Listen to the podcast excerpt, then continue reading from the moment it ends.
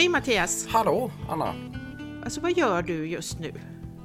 Ja, jag sitter i ett hus i ett ställe som heter Hopperud uppe i Dalsland som vi precis nyligen har börjat hyra här.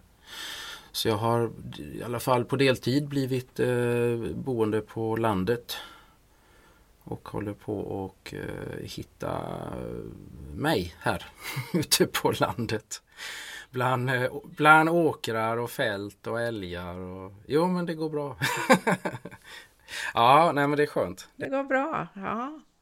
Nej men det är spännande. Så här, här är jag och målar och tecknar. Och, och så beskär träd. Och... och beskär träd och tar hand om min kära kompost som är mitt, blivit mitt lilla skötebarn här. Men du, ehm, du har ju inte bott på landet innan. Nej. Hur känns det? Alltså känner du dig hemma eller? Ja, konstigt nog. Det är märkligt. Mm. För att det, vi är ju inte uppvuxna på landet. Vi är inte uppvuxna i någon storstad heller direkt. Vi växte ju upp i Kållered, en mindre ort sådär liksom. Mm. Man hade liksom på något sätt närheten till landet men vi mm. kommer ju inte från landet på det viset. Nej. Men det är märkligt ändå tycker jag liksom hur, hur hemma jag ändå tycker att jag känner mig här. Mm. Ja men det är mer en känsla av att liksom komma bort från allt det där som jag är så less på. Mm. Eh, staden då. Att det, den har nog inte så mycket mer att ge mig helt enkelt. Vi har pratat om det lite. Mm, precis. Att, eh, jag vet inte om det har med ålder att göra eller om det är så. det är svårt att veta tycker jag när man mm. åldras. Mm. Vad är det som vad är det, vad, de känslor och tankar som dyker upp, dyker de upp därför att det är någonting radikalt som har förändrats? Eller är det jag mm. som har förändrats i och med att jag åldras? Men jag upplever ju att jag har förlorat så många sammanhang. Alltså en sån känsla, stark känsla av att det jag hade när jag växte upp, när jag var ung, det finns inte längre. Och där är staden är ju en sån del. Mm. Alltså, och då tänker jag ju på Göteborg. Det är Göteborg som jag hade och som jag kände var mitt Göteborg mm. när jag var då sena tonåren och tidiga 20-åren innan jag flyttade därifrån då. Mm. När jag kommer tillbaka nu så känner jag att nej men det finns inte. Nej. Det är bortbyggt. Till väldigt stor del är det bortbyggt. Mm, det, det är ju det som har hänt. Ja, och jag tänker ibland, alltså till exempel när man pratar om urbefolkningar och deras förlust, att de har förlorat. Jag menar, vi har ju då eh, den amerikanska urbefolkningen mm. och vi har ju den, den, våran, i Sverige här, eller Norden, den samiska befolkningen och hur de har förlorat sina sammanhang, sin mm. verklighet. Mm på något vis. Och det som är det som var deras. Just eh, och jag har aldrig tidigare upplevt att, jag har aldrig tänkt i de banorna tidigare. Eh, att, att det finns också en sån känsla hos mig. Mm. Att jag har också förlorat mina sammanhang. Mm. Jag har förlorat det som jag upplevde var mitt, mm. min mylla på något sätt. Liksom. Ja, det är intressant. Och att jag känner att jag har förlorat det till någon form av framsteg och modernitet. Mm. Och med det vill jag ju inte ha sagt att det är dåligt med framsteg och modernitet, för det tycker jag ju inte heller. Nej. Men jag funderar väldigt mycket på det här och jag har ju också flyttat ut på landet. Mm, jag tänkte just vad din eh, situation nu, eller vad gör du här? Du är ju också på landet.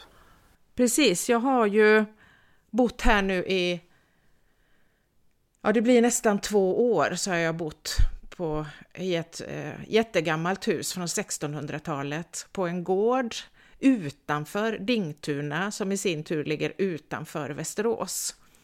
Um, och jag lever ju inte riktigt kanske lantliv så som ni kommer att göra med liksom med beskära träd och kompost mm. och så. För att jag har ju mer, jag hyr ju liksom en, en, en bostad då på en gård. Um, och har liksom inga, ingen tomt och inga ägor eller sådär. Nej. Men jag njuter så enormt av att vara grundad i, ja, men i naturen. I, I brist på, på bättre uttrycksform så är det det. Det är det här med liksom att ha fötterna i, mot jorden på något sätt. Det är verkligen så. Alltså jag, jag tänker på det nu och liksom när jag sitter här på, på verandatrappen här liksom. Jag är väldigt insektsintresserad och så, vilket har säkert har framkommit i den här podden någon gång. Ja, lite grann kanske. Att, att jag sitter här och jag tänker att i stan, så liksom stadslivet, så, ja visst det, det är klart att det finns ju insekter där med men här ser jag det på ett annat sätt. Här är det, det är här, jag är på samma plats som de bygger bo. Jag ser hur humlorna åker omkring här och, och surrar över gräsmattan och letar efter en bra bostad. Jag ser bina. Jag ser, alltså, det, det är som du säger, man är, man är nära det. Och jag hör fåglarna hur de liksom tjattrar och kvittrar och det ett väldigt liv uppe bland träden ibland här. Och jag tänker nu, nu märker de ut revir här för fullt. Och sådär. Så att det, det, det är den här känslan av att att, jag, be- att befinna sig mitt i det. Det är ingenting som, som jag åker till. Det, det, det är någonting med det här. Det är väldigt stor skillnad i detta. Det är ingenting jag besöker. Jag har ju haft två vintrar här. Och det innebär ju då att jag har matat fåglar två vintrar. Ehm, och det har ju varit en jättehäftig upplevelse för att jag har ju aldrig egentligen varit särskilt intresserad av fåglar. Jag har aldrig kunnat eh, skilja dem åt riktigt, mer än de här absolut vanligaste. Liksom. Men så insåg jag ju här nu då att ja, men här, nu är det kallt och det finns ingen mat. Men eh, man borde ge dem mat. Och så började jag göra det då. Och då, då leder ju det till att man får ett antal eh, fasta gäster Mm. som återkommer. Och inte precis kanske på individnivå då, i alla fall inte... Ja, vissa är verkligen individnivå, Ja. för att jag har haft en sån här större hackspett och det ju, finns ju bara en och den en. Mm. kommer då och då. Ja.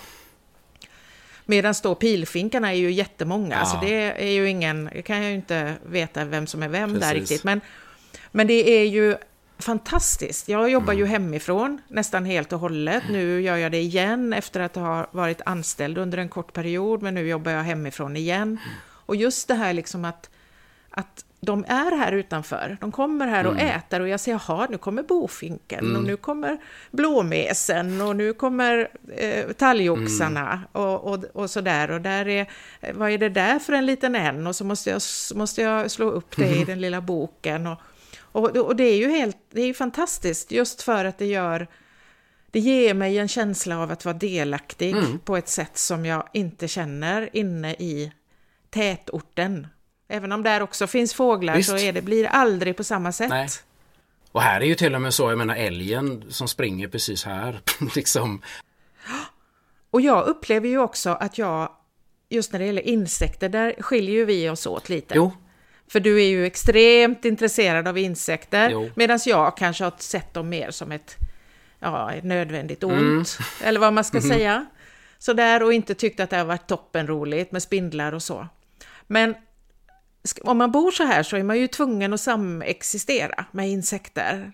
Därför att de finns ju överallt. Vi visst. har, jag har ju berättat i, ett, i en episod här att jag har en, en, en stor stock här utanför som är full av myror, Mm, stackmyror till exempel.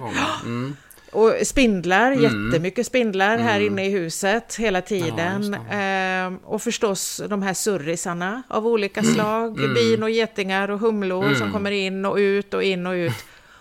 Och plötsligt så inser jag att jag har en helt annan känsla för de där. Mm. De, jag ser dem inte, och det är ju ingenting som jag har bestämt mig för, utan plötsligt så ser jag dem inte som ett besvärligt intrång i min verklighet, Nej. utan plötsligt så ser jag ju dem som, ja, det här är jag och där är de. Oj, oj, lilla humlan, jag tror inte att du kommer trivas här inne, jag ska hjälpa Nej. dig ut. Precis. För, för vad ska du här inne och göra? Det finns ingenting för dig. Exakt. Ehm, och det, alltså det är en helt ny för mig en helt annan känsla Mm, liksom. mm. Som, som kommer sig av att jag bor så här. Mm. För det, det är precis det att när man lever ihop så här så blir det ju precis det du säger att de, ja men det blir inget intrång. Det är inte djur som inkräktar i min värld på samma sätt som det blir när du, när du lever i en stad. Eh, där, där blir det faktiskt på ett helt annat sätt. För där känns det som att de ska inte vara där. Det är den känslan man får. Att det, här, det är liksom fel och, och då blir det väldigt kan bli obehagligt och, och äckligt och, och sådär liksom. Medan här som du säger, de flyger in, det är ju fullständigt självklart. Det är klart att de Ja. flyger in här. De flyger ju överallt här. Så det är klart att de flyger in här också. Och så får man hjälpa dem ut som du säger för att det, det är inte så de har inte så mycket här inne att hämta. Men, men precis, det just den där att, att det, man, man är liksom man är en del av, de är en del av, av ens liv, jag är en del av deras liv. Ja, vi har ju då ägnat, kom vi fram till nu idag, faktiskt ett halvår åt dystopier. Mm. Eh, Så att de tre senaste episoderna som vi har postat här på podden har då handlat om den första om 1984 och den andra om Du sköna nya värld och sen den tredje här i vår då om Karin Boyes Kallocain. Mm. Eh, och eh, det vi ska göra idag är ju att vi ska försöka att dra lite slutsatser, kan man väl säga, Ja, av det här dystopitemat och vad det har gjort med oss. mm. för vi kan ju säga att vi, vi kommer inte gå jät- liksom närmare in på romanerna så mycket. Utan det här är snarare en, en, eh, de här, som du säger, tankarna och, och det här som, som, som det här läsandet har fött nu då under det här halvåret. Mm. Tänkte jag, vi kan väl, ja men alltså okej då, vad, vad är då, vad är en dystopi då? Jag har alltid tänkt att en dystopi är en ordlek med utopin. Mm. Och så har jag tänkt att dystopin är en, eh, ja, men en framtidsskildring då, men att den är dyster såklart. Det, det, det hör man ju. Och jag har nog inte tänkt så mycket mer än så utan jag tänkte att vad som helst kan ingå i det om det är en framtidsskildring och den är väldigt grå och dyster och mörk. Mm. För den ska ju vara mörk, det ska vara en mörk tillvaro. Det ska inte vara en... en eh, har jag, så har jag tänkt. Ja, men det hör man ju, den är ju dyster. Det, det har ju visat sig att det här stämmer ju inte riktigt då. Dels har vi ju läst en bok som heter Du sköna nya värld som inte, i alla fall på ytan, är speciellt dyster alls. Jag är ganska glad och eh, liksom ljus faktiskt, historia ju.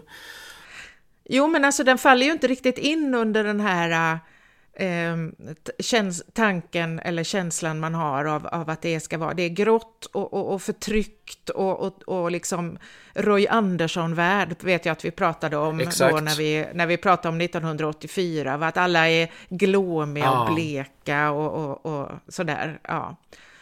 Och det stämmer ju inte alls in på den, alls. Nej, verkligen inte. Och där, där faller ju liksom 1984 och Kallocain stämmer ju bättre överens med bilden då som, som man har eller som vi har haft om, om dystopin. Mm. Men ju mer jag har tänkt och läst här nu, vi ska återkomma till det. Eh, men så har jag ju liksom hittat, eller jag har förstått den här kopplingen med just utopin och dystopin. Att det är så mycket mer, än- det är inte bara en ordlek det här. Att jag, jag har liksom insett att att bakom en dystopi så måste det också nästan finnas en utopi. Alltså det vill säga en dröm om ett bättre samhälle. Mm. Och då har jag också funderat lite på andra böcker, framtidsskildringar som kan vara oerhört... Jag kommer att tänka på till exempel faktiskt en, den här som jag pinsamt nog nu inte alls kommer på vad författaren heter men det är en rysk bok som heter eh, Metro Just det. Oerhört dyster framtidsskildring av ett liv i Moskvas tunnelbanor. Mm. Eh, Men frågan är om det är en dystopi för att det här, är, här finns egentligen, det är en ren överlevnadsbok kan man säga. Mm. Det här är människor som har sökt sig ner till underjorden för att eh, ovan jord har det varit någon slags kärnkraftkrig eh, eller något. Eller nej, så heter det ju verkligen inte. Men kärnvapen. Krig mellan de olika kärnkraftverken har det varit. Nej, nej men kärnvapenkrig eller någonting. Så det är radioaktivt. De kan bara vara uppe på ytan en liten kort. Det här känner vi igen från oändligt många filmer och böcker. Liksom. Att du kan vara uppe tre minuter. Sen mm. måste du ner i underjorden igen. Och ju mer jag tänkt på det här så tänker jag ja, det är väldigt dystert. Men frågan är om det är en dystopi då. Och det är jag inte säker på då utan då, då, då har jag mer och mer liksom kommit in i det här att, att de här böckerna som vi har läst nu då, de faller ju mer jag tänker på det mer under just en sann dystopi. För det finns en väldigt tydlig utopi bakom de här tre romanerna. Det vill säga mm. då en, en, man kan liksom utläsa även om den inte alltid... I 1984 där redogörs ju ganska tydligt för den här utopin. Mm. Eh, där får vi ju ganska klart för oss hur de tänker. Eh, av, av någon som heter O'Brien där var det väl.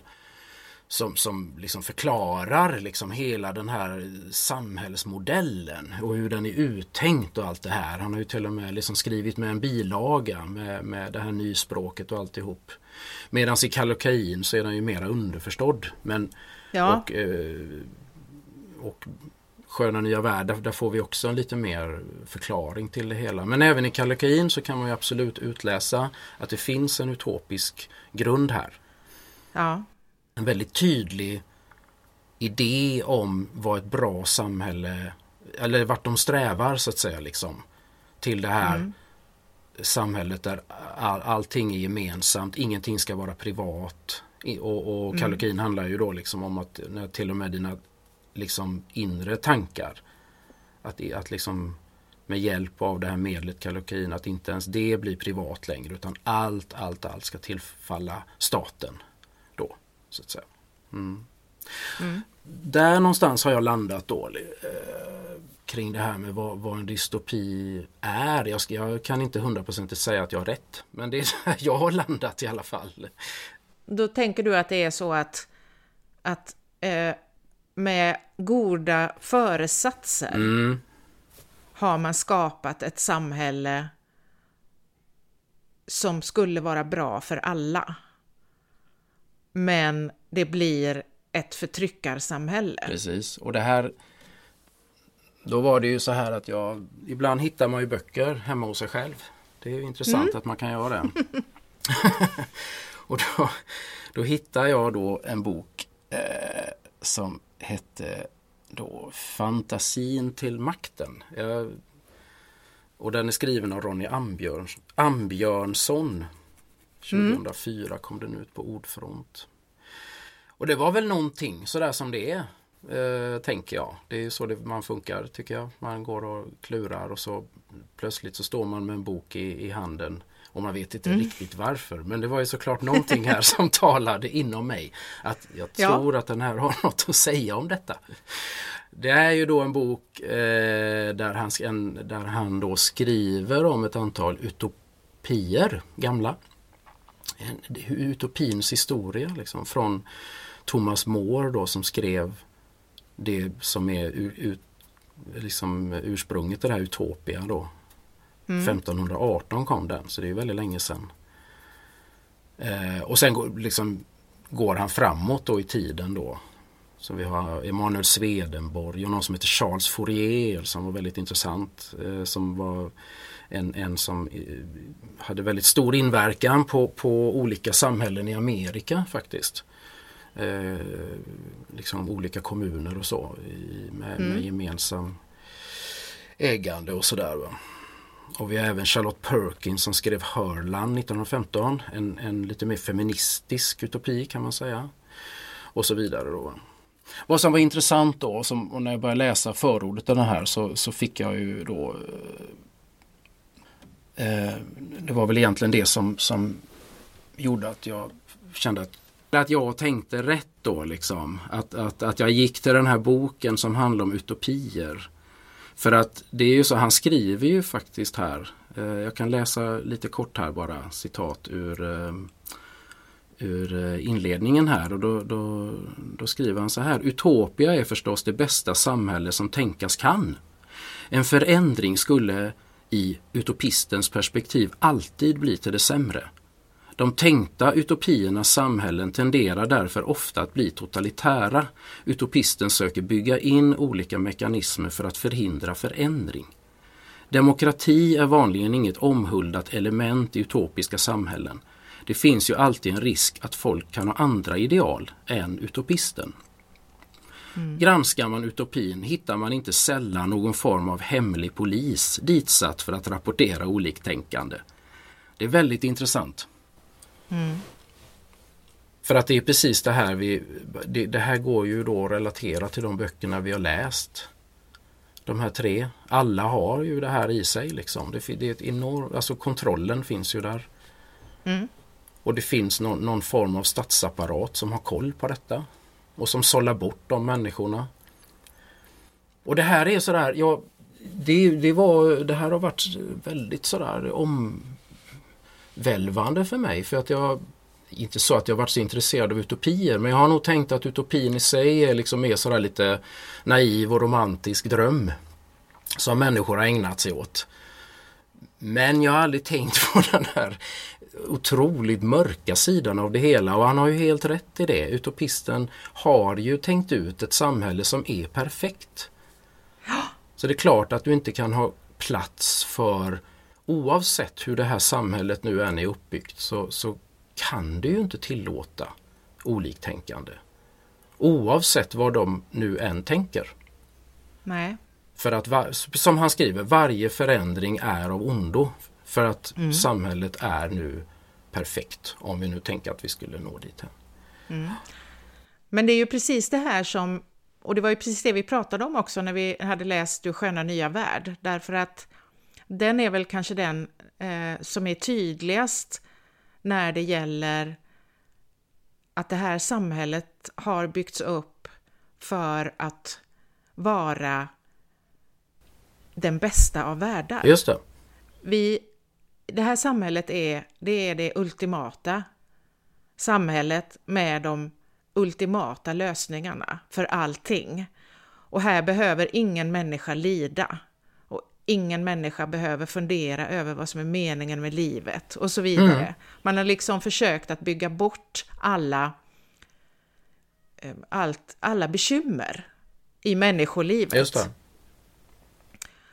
Um, och, och det ser ju på ytan eh, utopiskt ut när man tittar på det. Jag, jag tror att vi sa att jag tror att vi sa det i det avsnittet att det, det är lite som en såpbubbledröm. Mm, mm, en rosa. Det livet där. Ja, ja.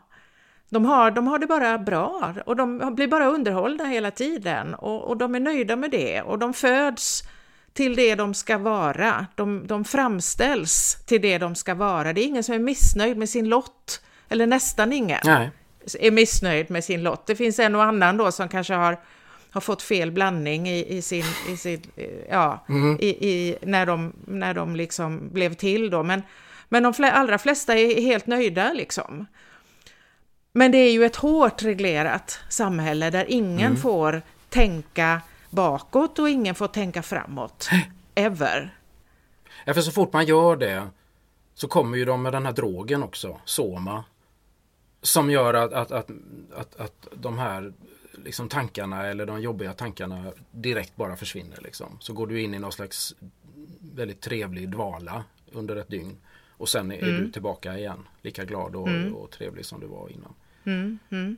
Så att den stämmer väldigt bra in på detta. För det är precis som du säger ett Ja men precis, på ytan så är det ju liksom verkligen en utopi då. Alla är ju lyckliga på något sätt liksom, i, mm. i sin mm. tillvaro beroende på då hur du är framavlad.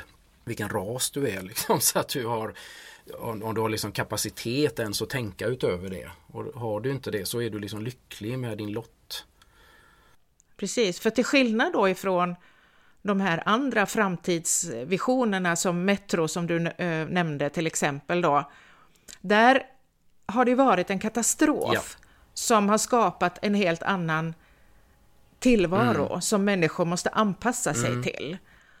Medan i alla de här tre romanerna som vi har läst så, så pratas det ju om någon form av krig eller revolution. Det, har varit, det är någonting och där har man skapat i samband med den händelsen, den omvälvande händelsen, så har man skapat den bästa av världar. just det. och det, det menar ju också, jag menar även i Kallocain och i 1984 så är det ju ett medvetet skapande av en värld så som den är, om den är riktigt genomtänkt. Alltså, den, ja, det är social ingenjörskonst till 100 procent. Liksom. Mm. I, liksom i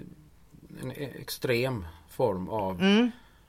Där, där, Där ingen, ingen, behöver tänka, ingen behöver tänka själv, ingen ska tänka själv.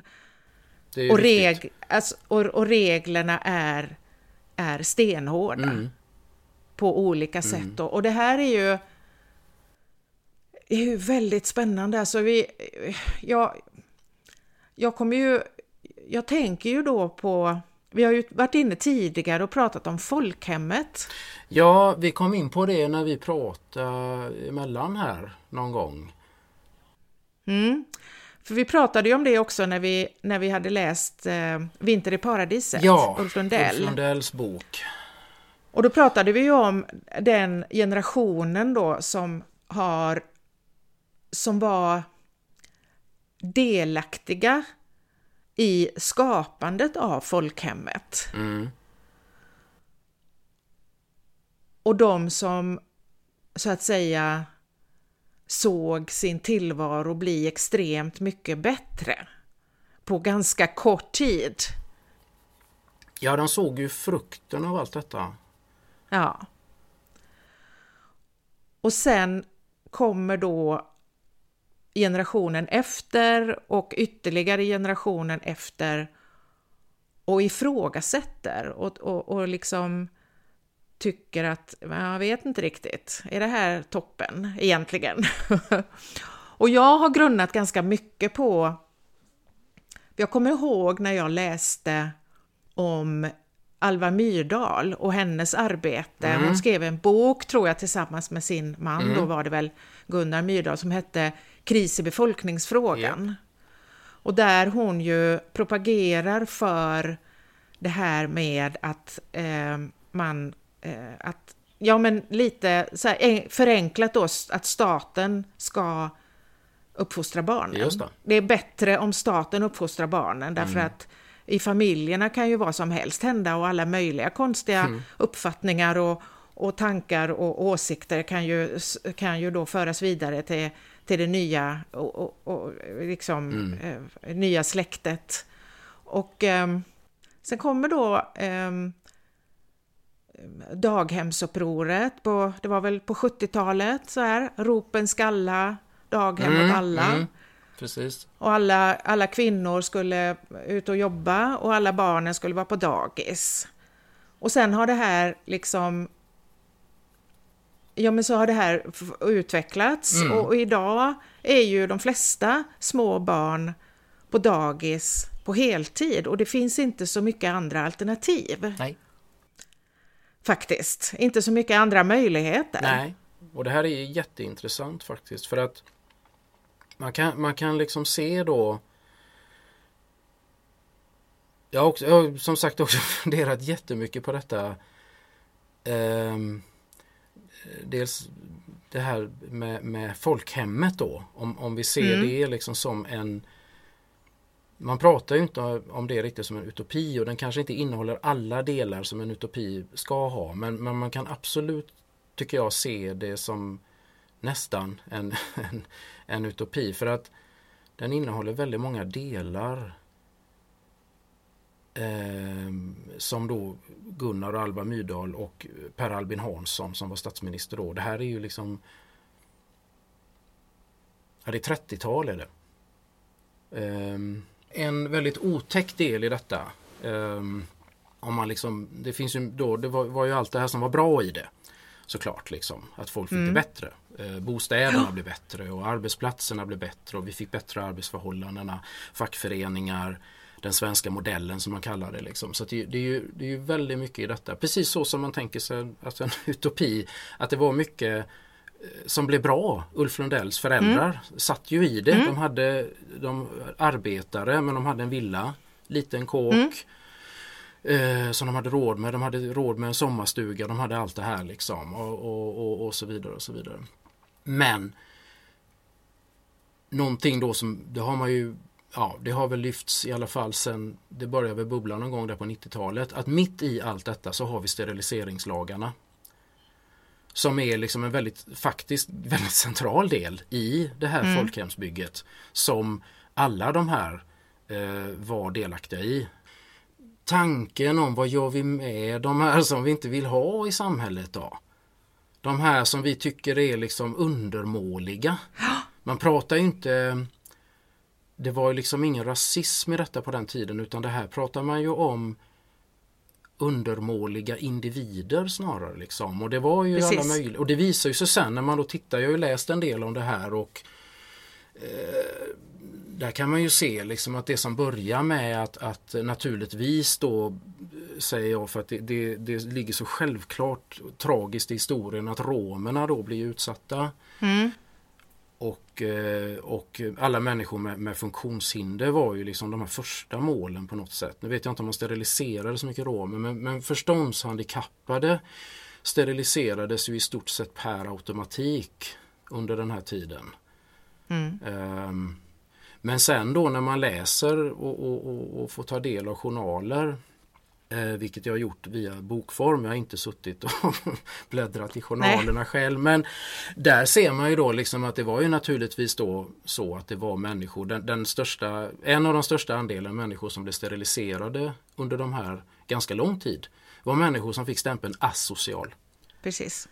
Och det kunde vara precis vad som helst faktiskt. Det var en väldigt mm. vid ett, ett vid beteckning på en människa som kunde vara, var det en kvinna så var hon ofta sexuellt utlevande eh, på något sätt liksom. Mm. Och då, då, då var det bäst att sterilisera henne för det här kan ju aldrig gå väl. Liksom. Det, det här är inte mm. bra, det här vill vi inte föra vidare. Alla människor som på något sätt, liksom, ja men människor som inte stämde in i normen helt enkelt. Kan man ju säga, kan man se ganska tydligt faktiskt människor som inte hade någon fast stans att bo kanske och, och så vidare och så vidare. Och här har vi det. Kontrollen av liksom våran, våran man pratar inte om rasen, då pratar man om folkstammen som man ville rädda. Mm. Man var ju mm. precis som vissa krafter idag rädd för att folk, liksom våran folkstam ska liksom Ja, man pratar ju redan då om degenerering och allt det här liksom att våran folkstam håller på att försämras. Det var ja. ju det de var ute efter där i den här krisen som de tyckte bland annat då va. Att vi måste göra någonting åt det här liksom. Vi måste, vi måste starta någon sorts kontroll. Och där har vi det, alltså det är det som är så intressant att, att även vi i Sverige då har haft den här mer eller mindre då utopin med innehåll av väldigt stark kontroll av vilka människor som ska få ingå i den här utopin. Jätteintressant det här va? Ja, och grejen är att, att normen då, det var ju inte en, vad ska jag säga, socialt förhandlad norm, utan det var ju någonting som man hade ja, men, tänkt fram i folkhemsbygget. Mm. Att, att för att det ska fungera eh, så måste vi ha människor som gör så här. Exakt. Vi måste, vi måste skola barnen Eh, så att de kan passa tider och att de är lyder så att de sen kan arbeta mm. på en fabrik eller något sånt där, va? Till exempel. Och jag menar, det, jag tänker mycket på det där att det alltid finns en baksida och en framsida, mm. för jag menar, man har ju hela sitt liv på något vis fått höra, och jag menar det stämmer ju också naturligtvis, va?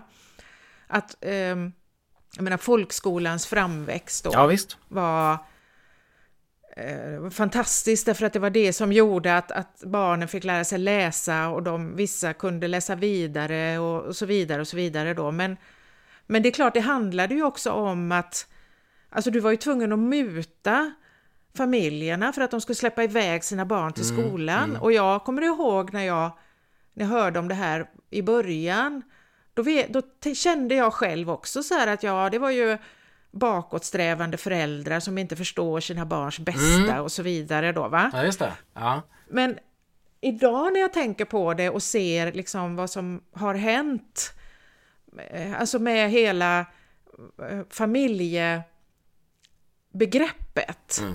så kan jag ju tänka också att ja, men det här var ju också ett sätt att, att minska familjens betydelse. Att man, man skiljer på folk. Föräldrarna de ska jobba där och barnen ska gå i skolan här.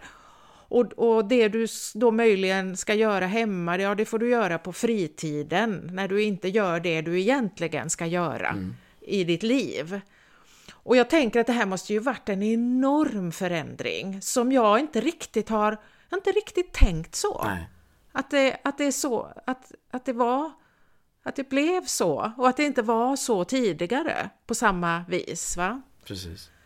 Utan där kanske man mer arbetade tillsammans och, och föräldrarna la upp sina barn till olika sysslor och så vidare. Va? Mm. Och nu istället då så få, fick de den, den teoretiska bildningen, vilket ju är fantastiskt. Ja, absolut. Men vi ser ju idag också att vi har ju ingen, eller vi har ju väldigt dåliga kunskaper i praktisk, i de praktiska delarna. Vi kan ju ingenting. Vi kan ju inte göra någonting. Det var ju en väldig massa kunskap som gick förlorad där Ja, till slut. och just, just det här liksom med att, att man att man slog sönder, slog sönder eh, då eh, familje, ja, men familjerna. På- Det kanske låter eh, lite hemskt att säga att man slog sönder, men jag, jag tycker ändå att Alltså nu med facit i hand så kan jag ändå känna att det var, ja, och det har ju pågått liksom under väldigt, väldigt lång tid. Jag har det. Och jag tror det, och jag upplevde ju det här själv då väldigt tydligt när jag fick barn. Jag fick ju mitt första barn 1992. Så att jag är ju verkligen skolad, jag är född 64, jag är skolad i det här att man, alla har rätt till utbildning, eh, alla har rätt till jobb. Det är jätteviktigt att kvinnor utbildar sig så att de kan klara sig själva. Man ska inte vara beroende av någon. Alltså det här eh, individuella sättet att tänka och det här och jag menar, jag jobbade ju i vården, där skolades jag ju i att ja, men det är inte meningen att, att, att barnen ska ta hand om sina åldrande föräldrar. Det finns institutioner för de åldrande. Ingen som ska behöva, du vet, sådär, utan, utan du ska få, du, varje person ska få satsa på sin individuella utveckling. Och vad, vad, vad är det här? Nu så här vid 58 års ålder och jag ser tillbaka och tänker, okej men vad är den individuella utvecklingen? Ja, det är att jag ska jobba. Det är att jag ska jobba och betala skatt. Det är min individuella utveckling. Sen har jag haft jätteroligt i mitt yrkesliv, jag säger inte det, men jag vet att jag kände en enor- ett enormt skifte när jag fick mitt första barn och insåg vad det innebär att vara förälder, att vara mamma. Ja.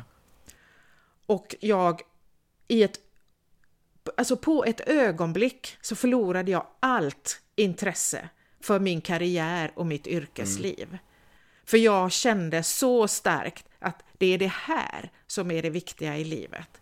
Mm. Det är min relation till mitt barn Precis. och min man och, min, min, och de som finns omkring mig. Liksom. Ehm, och det var verkligen, alltså för mig så var det en, en verklig, det var en upplevelse, verkligen. Det, och jag kommer ihåg den och jag vet liksom att, att jag, jag sa det här till mina, du vet, andra mammor sådär, du vet, och de bara, ja fast det där är ju, jag vill vara hemma med mina barn, sa jag. Jaha. Och de bara, fast, Ja, fast det där, du vet, det där, Nej. det där är ju, det där är ju, du, det är ju liksom könsförräderi. Ja. Vad menar du? Ska du bli en tråkig hemmafru? Eller hur tänker du liksom? Och så vet jag att jag vid något tillfälle träffade en, en kvinna som antagligen då var i min, alltså ungefär som jag, lika gammal som jag är nu, skulle, runt 60 någonting. Och jag träffade henne i något sammanhang, jag tror, Röda Korset eller Rädda Barnen, jag vet inte. Och det var när Kalle var liten.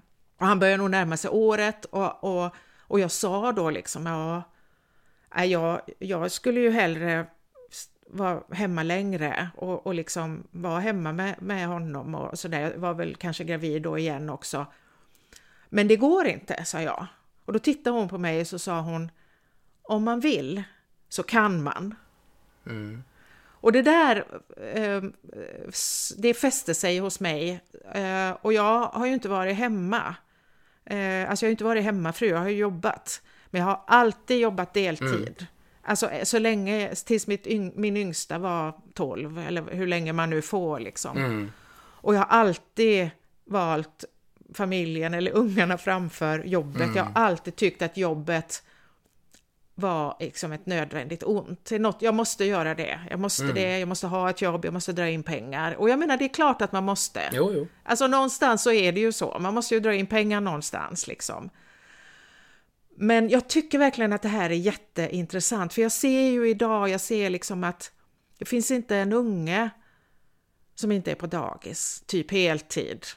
Och när barnen blir sjuka, du vet, jag ser ju på mina, mina barn som inte har barn ännu, men de har ju kompisar som har mm. barn, alltså vilka bekymmer det är. De kan ju inte gå hem från jobbet för de är så viktiga ja. och då, är, då måste de liksom ringa in någon farmor eller mormor som ska gå och hämta på dagis. Och, alltså det är ju ett elände och jag tänker liksom att Ja, men är det här bra? undrar jag. Det intressanta med det här är ju att för att jag, jag också, jag vet det är ju ett antal år sedan nu som jag tänkte just den där, eller det slog mig då att, och det, det jag vet inte, det var säkert under den tiden när jag då själv hade småbarn också. Då pratar vi i slutet av 90-talet och millennieskiftet där. Mm. Och jag upplevde plötsligt, alltså då tänker jag på det du sa ju då att, liksom att utvecklingen har ju varit att vi, vi liksom skapade daghem för barn för att kvinnor i första hand skulle kunna gå ut i, i liksom förvärvsarbete. Det var ju liksom en, en, ja men, ja men en nödvändighet liksom. Och det sågs ju också, också naturligtvis som en del i, i den friheten för den liksom mm. som då inte alls ville gå hemma och vara hemmafru utan, utan, utan det var ju liksom en, en, en led i den liksom kampen också. Mm. Att, att, att, liksom kvinnans rätt då liksom till att arbeta skulle vara lika stor som mannens. Eh, vilket jag, det, det, kan man ju liksom inte, det är ju jättebra. Det, är, ja, det, är, det intressanta med det hela blev då när jag själv då hade småbarn och jag dök på liksom tankar kring att det i stort sett inte var bra för barnen att vara hemma. Nej. Och då tänkte jag, men nu, nu har vi liksom vridit det här ett varv. Mm. För det som från början var liksom, jag menar inte att man inte ska tänka på barnen men det var ju snarare något slags nödvändigt ont då, eller hur man nu vill uttrycka det, eller nödvändighet för att liksom frigöra, mm. för att skapa något slags jämställdhet i det här. Att liksom var och en måste ändå få möjlighet att vara ute i yrkeslivet och tjäna sina egna pengar. Liksom, va? Mm. Till då mm. liksom att man på 90-talet och, och millennieskiftet pratar om att barn ja, i stort sett nästan skulle fara illa av att vara hemma. För då skulle de liksom inte få den här eh, ja, men liksom pedagogiska uppfostran och allt det här som de lär sig på, på, på förskolan och dagis. Då, va? Mm. Och riktigt intressant blir ju detta då när man läser alla de här utopierna i relation till dystopierna, att i stort sett alla utopier och där kan vi ju även då till viss del räkna in många av de här liksom, kommunistiskt och socialistiskt färgade utopierna som faktiskt ändå har förverkligats. Men alla de här utopierna som är skrivna innehåller i stort sett precis detta. Mm. Att barnen bör uppfostras av professionella människor. Precis som, som i Kallocain är det ju tydligt där att de mm. tidigt skickar de iväg sina barn liksom där. Och de går liksom på, på olika stadier eh, för att lära sig och, och, då för att lära sig bli en bra medborgare helt enkelt. är ju syftet med det. Mm.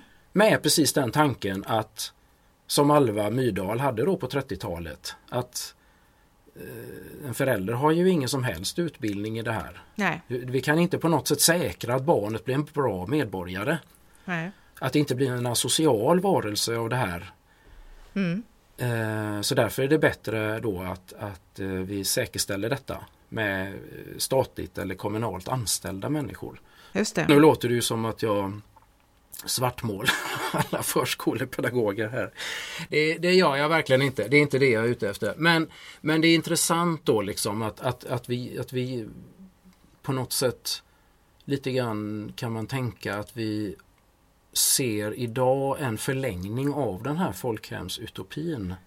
Ja, Att idag tycker vi att det faktiskt är det bästa för barnet. Det är precis Ja. som du säger, det är inte att vara hemma med en förälder. Utan det bästa för barnet är ändå att den får vara på, på eh, förskola eller dagis. Mm. och jag eh, också, jag har förstått att, att eh, eh, man lär ut det här på, på förskollärarutbildningen idag. Just så plockar man fram den här forskningen som visar då eh, att, att de barnen som inte är på, på då förskola, de, eh, har inte, de får inte lika bra förutsättningar och att det finns undersökningar som visar det här och som man då kan lyfta fram. Och så är det ju med forskning, det finns ju alltid forskning som visar Ja. allting som man vill Absolut. visa. Så att, så att, eh, så att jag menar, det, så är det ju. Och, och jag, jag tänker just att alla de här tre dystopierna, eh, gemensamt för dem är ju att, att familjerna är sönderslagna. Alltså Ja. de har förlorat, det finns inte, familjebegreppet finns inte riktigt och och om det finns så är det urvattnat. I Kallocain finns ju, där lever ju familjerna tillsammans. Men barnen är ju inte hemma, utan de uppfostras ju på en barnvåning. Och sedan åker de iväg på läger, på barnläger för att utbildas då till soldater. Så det är ju, så, är ju inte föräldrarnas barn, utan det är ju statens barn. Ja, föräldrarna har inget ansvar över barnens uppfostran på något sätt. De har ju bara någon slags samvaro där och Mm. eh, lite ja, men lek liksom och lite sånt där. Men de har liksom ing, de, de har ingen aktiv del i, i barnens uppfostran på något sätt. Nej. Nej.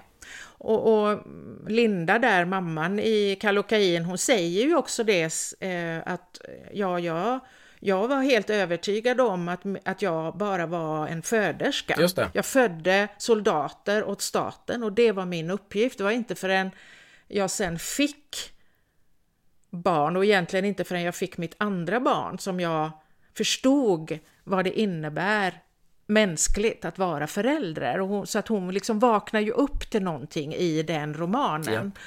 I, I 1984, där, är, där utbildas ju barnen till spioner i första hand. Mm. Ehm, De lever ju med sina föräldrar, men de gör det för att, ja, för, faktiskt för att, till, till stor del för att kunna spionera på sina föräldrar och På andra. föräldrarna och grannar och så ja, precis. Ja, Mm. så där finns ju ingen, där finns ju så att säga ingen äkta samvaro i familjen. Nej. Och i Du sköna nya värld, där finns ju inga familjer alls, för där föds ju barnen, barnen eh, tas ju fram artificiellt. Ja. Det, det, det är ju ingen som är gravid och det är ingen som föder barn, utan barnen, de, de, de vad säger de, kläcks, ja, de kläcks ja. de dekanteras, ja. Den enda där som är född är ju han den där eh, vilden då. Som, har, som, har, som faktiskt har en biologisk mamma som är uppvuxen i, i det här vilda landet dit de åker på besök. Men annars är ju som du säger de andra kläcks ju på, på laboratorie, eh, barnen. Precis.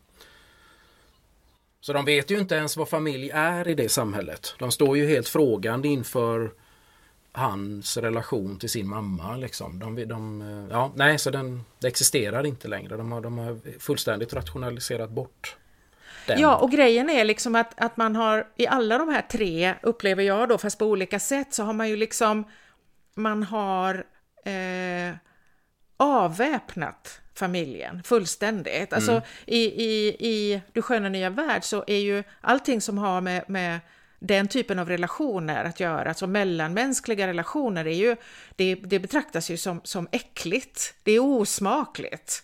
Ja.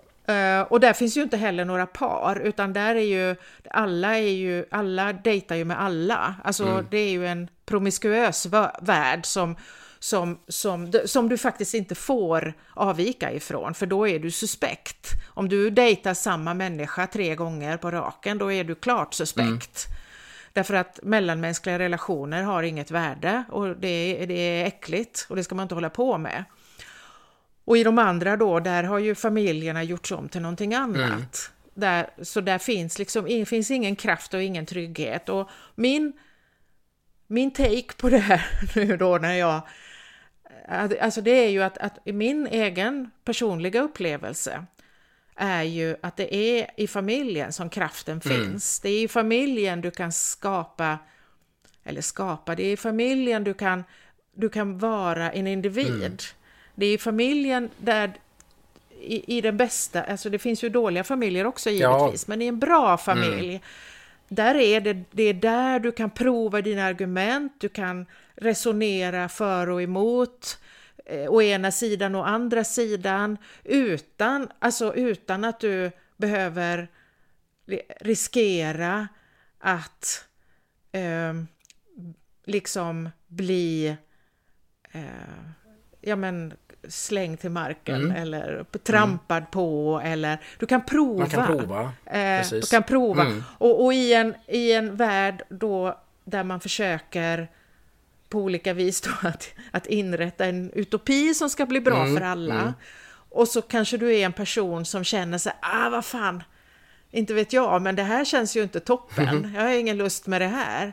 Ja, men om du då har en familj hur den nu än ser ut. Mm. Men har du en familj där ni liksom är beroende av varandra på, på ett bra mm. sätt, mm. Alltså, ni har, då har du ju ett sammanhang där du faktiskt kan få utlopp för det här mm. och få, kunna resonera, ja men hur ska, vi, hur ska vi bete oss med det här? Ja, men, men, om du har ett, en värld som bara består av rädda individer som i varje stund måste behaga andra mm. för att få finnas. Mm.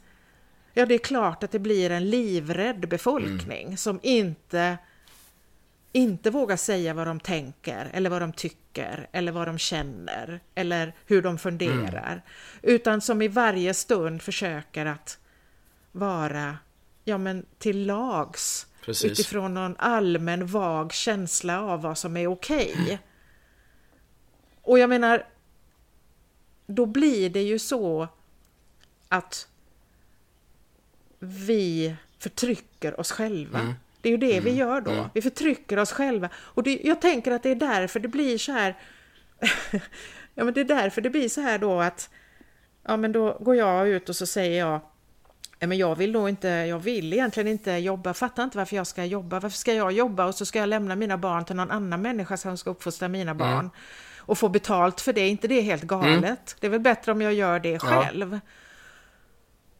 Men det räcker liksom att jag får några stycken som säger men nu är du en könsförrädare. Mm. För att jag ska tänka då, aha, nej det går inte. För det är ju det jag säger sen till henne, jag skulle vilja det här men det går inte. Och så är hon tillräckligt gammal och erfaren för att kunna säga Ja, fast om du vill så kan du. Och det, jag tycker det här är jätteintressant. Mm. Vi, har ju, vi har ju pratat lite om det här, framförallt var det väl i 1984 kring det här med liksom vad, vad, vad liksom förtrycket är. För där är ju så tydligt mm. också i den romanen att de som lever under ett extremt kontrollerat eller i ett extremt kontrollerat liv är ju de som ingår i partiet. Ja. Medans det finns en annan befolkning där alldeles precis nära i staden som inte lever under den här kontrollen. Mm. Um, och då pratar vi ju lite grann om det här, liksom, vad, vad är det egentligen som gör då? Likadant i Kallocain, för där, där kommer vi ju in på det här med Där har vi exemplet där med den där hissen som de inte kan kontrollera, staten. Eh, där finns inga kameror och, och högtalare då för de har inte lyckats installera det i en rörlig hiss. eh, det var på den tiden. mm. eh, hur som helst, eh, vad som var intressant där som vi pratade lite där i, i Kalakin är ju liksom att då är de tysta i hissen. För att det skulle verka misstänksamt att prata när de inte var övervakade. Mm. Alla de här grejerna vi kom in, som vi pratade om, just det här att, att just den här intressanta grejen att vi förtrycker oss själva då. Mm. För att ganska snart kommer man ju fram till att egentligen då som i Kallocain där hela befolkningen är övervakad eller sägs vara övervakad i alla fall, de vet ju inte. Och en tanke som slog mig när jag läste att ja det kanske är så precis som det är för oss här idag. Vi lever ju med de här kamerorna idag. Men det finns ju de som har kollat upp det här och, och, och liksom säger att de flesta kamerorna är ju inte ens på. För de behöver inte vara på. Det räcker att de är där så, så håller vi oss i skinnet. Och, och, och, och, nu pratar vi liksom om, om, om eh, i vårt samhälle här då så, så pratar vi ju liksom om våld och, och, kriminalitet och fortkörning och så. Liksom. I Kallocain så handlar det ju om oliktänkande och, och antistatliga äh, äh, saker då liksom som man kan säga. Men just det här att vi Ja men att vi har en sån stark och tendens liksom att, att gå med på kontrollen. Alltså att, att, att, att, för jag tycker, det var ju det hon visade, alltså hon var så insiktsfull där tyckte jag, eh, Karin Boye liksom i detta att hon förstod detta mm. redan då. Att de här människorna i det här samhället de är så skolade i detta så att egentligen så skulle de kunna stänga av alla de här kamerorna. Eh, och eh, högtalarna, mikrofonerna. Mm. Um, för i, till, när det kommer till en viss punkt så kommer de, de kommer agera som om de var övervakade i alla fall. Det räcker egentligen bara att de inte vet när de är övervakade. Så kommer de agera som om de var övervakade i varje sekund. Till och med när de sover. Mm. Och det här är, det är intressant. Och det är lite grann det här du säger. Och det har vi också naturligtvis en social kontroll här som är, är oerhört stark. Att vi talar om för varandra då hela tiden vad som är rätt och fel i, i, i våra liv. Och, och att ja. det i sin tur gör liksom att jag väljer då att, att ja men kanske faktiskt gå emot då min egen eh,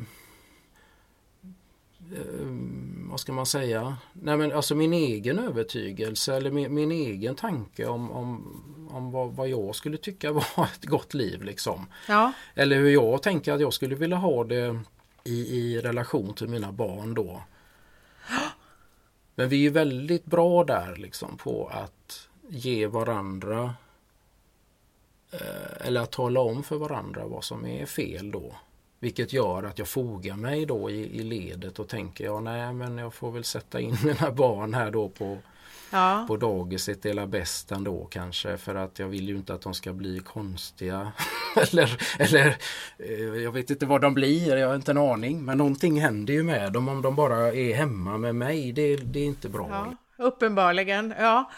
Och det är inte det att jag går in och läser de forskarrapporterna eller tar reda på detta och jag har ingen erfarenhet av det utan jag man, man ja, Alltså visst det här är ju samhälle naturligtvis och mänsklig samvaro men det är väldigt intressant mm. det här liksom. Att, att vi nästan gör våld på oss själva då i detta. Och det är ju liksom en, en eh, om man tänker sig eh, om man hårdrar det liksom så är ju det här en fantastisk möjlighet för ett samhälle, en stat, eh, myndigheter, vad det nu än är, att indoktrinera ett helt uppväxande släkte med en speciell form, vad det nu kan vara för någonting som de, som de vill. För de har alla, de har alla, eh, alla små barn på samma mm. ställe mm. i samma typ av institution. Mm. Och man har övertygat föräldrarna att föräldrarna har ingenting att ge sina mm. barn mer än kanske eh, skjutsa dem till olika aktiviteter mm. så att de känner att de får göra mycket viktiga saker. Mm. Men nu, förutom det så har du som förälder inte särskilt mycket att komma med. Nej. Utan det ska barnen få någon annanstans. Och, och, och i och med det så har du ju eh, fullständigt avväpnat eh, ja men som jag sa innan då, alltså familjen och föräldraskapet. Du har, det finns ingenting där mm. att hämta. Mm. Eh, och det är ju ett jättebra sätt att, att fostra en, en, hel, en hel generation till någonting som man skulle vilja fostra dem till, vad det nu än mm. kan vara mm. för någonting. Va? Eh, I, i, i Du sköna nya värld till exempel, där var det ju en massa saker, men det var ju bland annat då promiskus, eh, vad säger man? Ja, pr promiskuositet skulle, skulle fostrar man ju barnen i där då ja. Att, att eh, parrelationen är, är någonting eh, abnormt och felaktigt. Ja, liksom. ja precis. Mm. Och då, och då ehm, och det är också så här, ja man ska ha många partners, ja mm. det är mm. klart därför att, därför att det är ju jättebra därför att då får du ju bara enskilda individer som inte har någon att vända sig till Nej. när det bränner till Nej. i livet. Så det blir alldeles ensamma mm. stackars människor mm. och alldeles ensamma stackars föräldrar och alla alldeles ensamma stackars små barn. Mm. Och jag jag tycker ju att jag ser delar av det i vårt samhälle. Mm. Jag tycker liksom att, att det finns, eh, det finns där. Det finns ju, för, det är ju inte så att vi inte har familjer, vi har ju familjer men... Det är ju väldigt ensamma. Ja, precis. Det kan man ju åtminstone konstatera. Vi, vi liksom, det, det är extremt många människor som upplever ensamhet. Och, och vi har en ett uppväxande generation som mår sämre än någonsin. Och det kan man ju undra över vad det kommer sig av. Liksom. Var, varför är, vad är all denna psykiska ohälsa hos, hos alla unga idag? Liksom, som, från väldigt tidig ålder Mm. Och de har haft sina viktigaste anknytningar, det har de haft liksom på en förskola mm. som mm. de sen har lämnat. Och människor, de människorna som de har tillbringat större delen av sin tid med finns absolut inte kvar i deras liv. Nej, kommer aldrig dyka upp igen för det var en professionell roll. Och den människan som man kanske älskade högst av alla liksom bytte plötsligt jobb. Alltså det här är ju liksom en verklighet som, alltså det är en institutionsverklighet bara liksom. Jag lyssnade på en intervju häromdagen apropå det här med hur får man människor dit? För man kan ju tänka sig att vi ändå lever, vi lever i väst, vi är fria länder, mm. vi är välutbildade och så vidare mm. va? Och att vi borde kunna tänka själva och stå för våra egna beslut mm. och så, för det är ju det vi säger hela tiden att våra demokratier bygger mm. på. Så lyssnade jag på en intervju häromdagen om en kvinna, hon är journalist och författare och hon är från, från USA, hon heter Carol Markovic. Eh, och hon har skrivit en bok som heter Stolen Youth och eh, den handlar eh, om lockdowns i USA och hur det slog mot barnen, mot skolorna och barnen och familjerna och sådär. och, och det var väldigt mycket kring det där då, men, men det som jag fastnade för det var hon beskrev då, för att hon bodde då i New York mm. när pandemin slog till. Mm. Och de hade ju då ganska eh, ganska mycket restriktioner. Det, det, var ju lite olika i olika stater, men i, i, i New York där hade de ganska så strikta restriktioner eh, med, när det gäller munskydd och när det gäller hur många man får samlas och så vidare. Och då säger hon så här att ja, så här, säger hon då jag var, jag var naiv nog att tro att vi i väst var, eh, skulle liksom vara lite sådär ja, men nästan eh, ja, men fria ifrån det här. Alltså det, kunde, det skulle inte gå att att, att omskapa vårt samhälle till ett angiverisamhälle. Ja, det, var min, det mm, har varit mm. min tanke i, i, hela, och hon var väl kanske 45 eller något sånt där. Och hon bara, det, det är så jag har tänkt, att angiverisamhällen, det är Sovjet. Mm. Och hon hade också, hon kommer ursprungligen från Sovjet fast har levt hela sitt liv i USA då, så hon har liksom den bakgrunden, mm. hennes föräldrar och allt sånt där. Men ja, så, angiverisamhälle det är Sovjet och det är diktaturer och det är liksom sådär mm. och det är, det är nazist, Nazityskland mm. och så. Mm. Men i vår fria västvärld, där beter sig inte människor på det viset. Och så säger hon, till min förvåning upplever jag, att det går inte många dagar in i restriktioner och regler och lockdowns förrän jag inser att jo då, här är grannarna mer än redo att ange varandra och anmäla att ja, min granne, hon hade fler än fem personer på sin bakgård mm. igår kväll. Jag såg en person cykla utan munskydd. Ah. Hon sa det gick på, det gick på nolltid. Ja, detta. Mm. Ja. Och, och det, det, jag blev också förvånad över ja. det. Eh, men jag var också tvungen då att tänka tillbaka på den stämningen som var när vi hade de skarpaste restriktionerna i Sverige och hur noggrann man var tvungen att vara när man pratade med folk om vad man gjorde. Sant. Att man, att man eh, du vet, man fick tänka sig för innan man sa nu har jag varit nere och firat min pappas 80-årsdag på, på restaurang. På restaurang. För då var man, om man skulle säga det så var man också tvungen att tala om då att ja, vi, vi följde alla restriktioner. Ja. Och det var, det var, Ja. det var en halv meter mellan bord, ja, men du vet sådär och alla hade munskydd fast det hade ju inte alla. Men Ja, för jag tänker att det, det, i de här liksom, utopierna, dystopierna så det är nästan som att det, det blir en av de starkaste krafterna. Och det har vi ju, det, jag menar, det kan vi se då eftersom man kan också Liksom, de, många av de här utopierna, det, det skriver ju han i, i den här boken också då, Ronny Ambjörnsson, att man kan ju Mycket av det kan man ju se i de här kommunistiska, socialistiska eh, liksom försöken då som har gjorts. Han tar väl framför allt kanske Pol Pots Kambodja och Maos Kina som exempel liksom, på extremsamhällen då liksom. Mm. Men vi har ju även naturligtvis Östtyskland och sådär. Hur, hur, liksom, hur, hur, hur lätt det verkar vara, skrämmande lätt, att få människor just att ange varann. Det, det där är att kontrollera varandra liksom. Inte att, för jag menar visst, det hade vi liksom Stasi och alltihop och i Sovjet ryktades det om svarta bilar som åkte omkring. Ingen riktigt visste vilka de var men man visste att men det var, såg man en sån så var det fara och färde. Och, och, och i Kambodja blev du skjuten rakt av bara liksom. Det var ingen, ingen pardon. Uh, men ändå liksom så är det som att det blir, alltså din, din värsta fiende blir inte staten och polisen och militären eller vad det nu är som har makten utan det blir din granne. Ja, och du vet, jag har alltid tänkt att som i Östtyskland, där vet man ju, det har man ju liksom hört och, och det ja, massa filmer man har sett och sådär liksom hur. Och då har jag tänkt att ja, men det är för att de fick fördelar då. Om du spionerar på dina grannar, då då kan du få det här eller du får åka dit eller din dotter kommer in på den och den skolan eller sådär va. Mm. Men jag menar i det här fallet som, som den här Carol Markovic berättar om, det finns ju inga fördelar. De bara gör det. Det var ingen som hade någon fördel av, av att ange eller att an, anmäla någon som inte hade följt restriktionerna. Du fick ju inga som helst bonuspoäng för det. Nej, utan du bara känner att det är rätt då. Ja, det är en känsla av att jag har, jag har ställt upp, tror jag. Precis som jag kan tänka mig att i de här samhällena så ställer man upp liksom för staten. För, för det man tror på. För det, det är ju det att man liksom Jag tänker precis som eh, Leo Kall där liksom. Övertygad om att det här är rätt. Och då gör man därefter liksom. Jag, jag är inte intresserad av någon belöning utan jag vill bara göra rätt. För jag tror att staten har rätt. Jag tror att vi, vi är på väg här nu mot, mot ett samhälle som är det absolut bästa.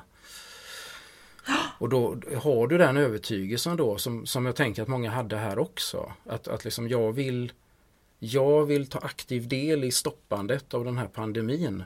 Och då gör Mm. jag ju rätt genom att anmäla min granne.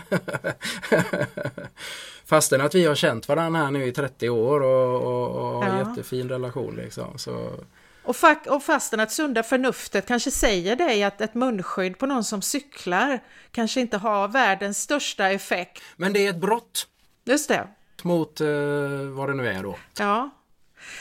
Och, och, och sen, och vi har ju varit inne på det lite grann nu, men jag, jag tänker det här, alltså just när det gäller Alltså språket blir ju så oerhört centralt i det här och det är ju, det är ju George Orwells Mm. jag tänker att det är det centrala temat ju i hans 1984, det är ju hur man med hjälp av språket eh, liksom får människor att tänka rätt. Och den som är nyfiken på det kan ju lyssna på det avsnittet för vi redogör ju ganska tydligt för hur det går till då det här skapandet av nyspråket som är en jätterolig historia eh, där det, där, som går ut på att du ska, alltså talet ska överhuvudtaget inte vara kopplat till hjärnan. Just det. Du ska, inte, du ska inte behöva tänka för att prata, utan du ska bara prata och du ska säga det som är rätt. Just det. Och för varje år då så reduceras antalet ord för att du ska inte behöva så många ord. Eh, och det, det handlar ju naturligtvis om, för att kan du inte prata och resonera, då kan du ju inte heller tänka. Precis. Det är ju jättebra tanke han har där Orwell. Eller hade. Alltså, eh, för det ligger ju väldigt mycket i detta. Även om det är naturligtvis omöjligt att göra på det viset som han gör. Men, men liksom tanken är så... Är, är, ja att, att du, du måste ha ord för dina tankar liksom. Och reducerar vi orden, vilket de gör där då, liksom, så att du till slut har ett minimum av ord att använda dig av. Så kommer det naturligtvis påverka din tankeförmåga. Du kan inte tänka, och framförallt i det Nej. samhället, du kan inte tänka det du inte får tänka. För det finns inga ord för det. Det är ju det som är målet där. Du ska inte du kan inte tänka demokrati för det ordet existerar inte. Och när det inte existerar Nej. så till slut så är ju målet att det, det utplånas i din hjärna. Mm. Det är ju intressant. Vi var ju inne där på det här som man pratar mycket om idag då, liksom att lever vi idag i en värld av just Orwellskt nyspråk i vårt samhälle idag? Mm. Och emellanåt så kan jag ju tycka det. Och mm. I det avsnittet så, så, pratade vi ju också en del om det och jag har fortsatt att, att tänka på det att för dels så har vi ju dels så har vi ju en värld där ord alltså byts ut hela tiden. Så, och det har vi ju pratat om, va? att man, man vet aldrig riktigt vilket ord som är okej att använda. Och, och det går fruktansvärt fort det här. Och, och så man hinner inte med riktigt. Nej, och du riskerar att bli dömd om du säger det gamla ordet. Liksom. Oavsett mm. vad vi nu pratar om. Liksom. Vi, eh, jag vet inte, ja. Men att det, det finns liksom en fördömelse i, vi, nu har, vi har redan sagt ett av de här orden nu ganska många gånger. som man inte får säga. Vad har vi sagt Mattias? Ja du, vad är det vi har sagt? Vi har, man kan säga, nej, men vi har sagt dagis ganska många gånger i det här ja, avsnittet det nu. Va? Det är ju en sån mm. där som man kan få på, på eh, vad säger man? På moppo. På, moppo, på flabben. nej men liksom det är sån där som, man, som folk kan liksom då komma och säga, det heter inte dagis. Det heter förskola idag. Ja, och grej, grejen är ju då va, att då, då skulle man ju kunna tänka rent teoretiskt att det behöver man ju inte bry sig om. Nej. Men då har vi redan pratat om det här med hur svårt det är att stå emot mm. när man blir anklagad av sin sociala omgivning som man kanske på något vis då är, är beroende av på ett eller annat sätt. Va? Och, och ännu mer då om man upplever att man är en ganska ensam individ som inte har några ställen eller några sammanhang mm. där man kan snacka om de här grejerna. Nej, man har bara det här, det här allmänna samhälleliga mm. jobbet och, och puben eller vad det nu mm. kan vara man är någonstans. Va? Och då, där är man ju, där, måste man ju behaga för att få vara ja. med. Man, du måste ju passa in hela ja. tiden för att få vara med och då är det klart att då tystar, då tystar du ju dig själv och tänker jag får nog säga föris. Mm. Fast det ligger väldigt illa i mm. munnen. och jag fattar inte riktigt vad det är. Men jag förstår att jag ska, fast jag säger dagis. Eller, och, det, och, det, och vi, för vi pratade ju om det när vi pratade om språket, det här mm. med, med okej okay, men okej, hur, hur, ska man bete sig med det här då när man känner liksom att, ja fast det här, jag ställer inte upp riktigt på det här. Jag tycker inte, det här ordet beskriver inte vad jag menar. Nej. Jag kan inte uttrycka mina tankar med de här orden nu som står mig till Precis. utan jag behöver andra ord. Mm. Och då behöver man ju ha lite civil olydnad pratar ju vi om ja, då. Ja, faktiskt. Vi kom ju in på det här med, med liksom tonsvalan där och tonseglaren, liksom att man behöver Eh, liksom kanske, ja, alltså en ren civil olydnad i det lilla liksom. I sitt, sitt, i, bara i mitt privata liv. Som vi sa, det, det är inte fråga om att, att manifestera och gå ut och, och, skrika och skriva på nätet om det här. Utan det handlar ju faktiskt bara om, precis som Gunnar Brusewitz skrev där, liksom att angående tonsvalan, att jag tänker fortsätta skriva tonsvala fast det heter tonseglare, eh, säger de. Och om vi alla gör det så kan vi liksom få tillbaka det här ordet på något sätt. Liksom, va? Mm. Mm. Att, och, och, den typen av civil olydnad, att, att liksom helt bara nej. Men och, och, nu, ja, man kan ju återigen bara säga, det, vi pratar då naturligtvis inte om n-ordet och det här nu då liksom. Det är inte det vi pratar om här utan det är de här orden som man känner att För det är det också vill jag säga, det, det är väldigt obehagligt för att jag tycker Apropå våra lättkränkta samhälle som man pratar om. Men jag, jag upplever att det kan vara ganska kränkande när någon säger att eller när någon påstår att jag sagt någonting dumt. Ja. För att jag, jag har sagt ja. dagis, men det är inte det är inte kränkande liksom att säga dagis. Tycker inte jag. Det finns ingen kränkning i det. Det är inte liksom Alltså, ja, det, det, blir svårt för mig att förstå. Och om någon då reagerar starkt på det då, då blir det snarare tvärtom att det i sin tur kan vara ganska kränkande. Att, att, att det skulle vara så illa då att säga det så att jag får en tillsägelse av någon. Och det är som du säger, det blir ju ett tystande. Att då, då kanske man liksom känner att, det, alltså att antingen ja, jag måste, jag måste verkligen plugga in det här nya ordet för det där vill jag ju aldrig bli, bli liksom vara med om igen då. Eller att, man, eller att man tystnar överlag kanske om, om du dyker på det här om och om igen. Liksom använder ord som, liksom, som man liksom har bestämt att så säger vi inte längre utan nu säger vi så här istället. Va? Och till slut så blir det så som vi har varit inne på. Det, det, blir, det, här, det blir lite svårt att prata till slut faktiskt. Och jag tänker att det är det som är eh, kärnan i det här. Liksom, att, ja. att, att det är olika jag menar, det har vi ju sagt tusen gånger liksom i de här poddarna, poddepisoderna, att det är en förhandling. Men när, det, när man känner att man inte har själv får ha ett förhandlingsutrymme, mm. utan att man bara blir pådyvlad. Precis. Eh, det ena och det andra, ord och, och uttryck och, och, och, begrepp och sådär som, som, som inte men som inte fungerar som jag då upplever nej. det här. Jag, här nej, de, de, jag kan inte använda de här orden och begreppen för att kommunicera på ett bra mm. sätt. Nej men precis. Då blir det ju ett robot, det är det jag menar lite va, att det blir ett, ett robotiserat språk liksom. Där du inte längre, för grejen är, och jag tror att, där är Orwell igen väldigt smart va, därför att om du, om du, som när du och jag sitter här och pratar, vi har ju inga manus. Nej.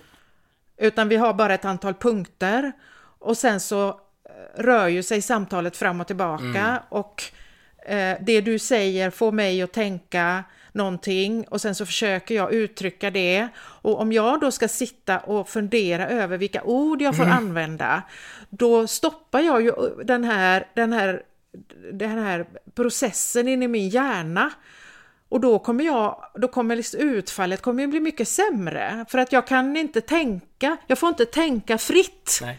Det är ju det, jag får inte tänka fritt utan och då, då kommer vi ju in på det här anktalet mm, som, som Orwell är inne på. Mm. Att du ska, det ska inte finnas var ju tanken där då, en koppling mellan talet och hjärnan, utan talet ska komma från struphuvudet, där, du, där du, du ska veta bara instinktivt vilka ord du får använda och så ska du kunna snattra fram dem så fort som möjligt.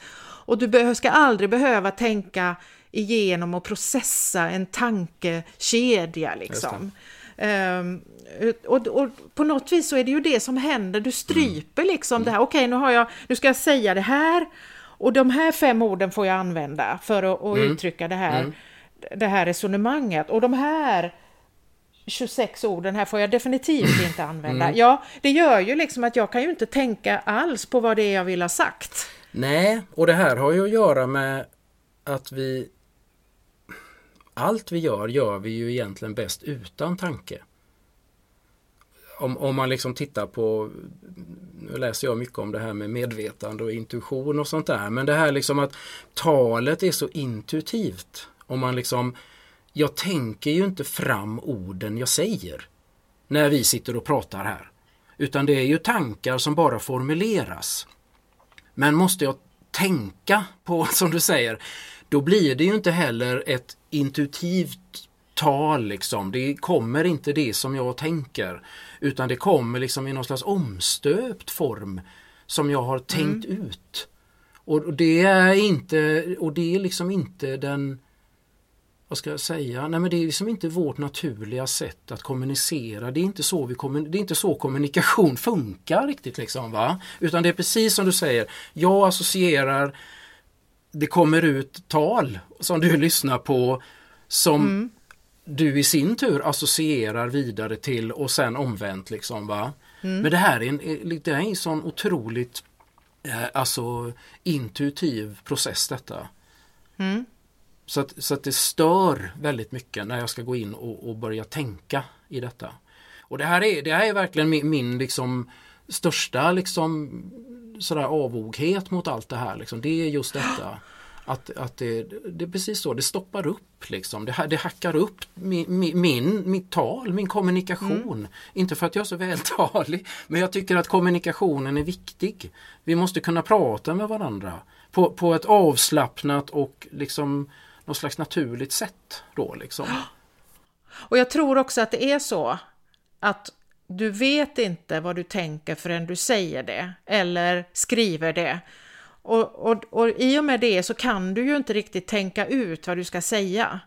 Men det är väl om man ska hålla ett tal kanske. Jag vet inte, men den riktiga talaren gör ju inte det heller å andra sidan. Den har ju också bara punkter. För vi, det, vi funkar ju bäst helt enkelt när vi gör så. När tankarna får formuleras i ord och precis som du säger, mm. jag själv blir förvånad över vad jag säger.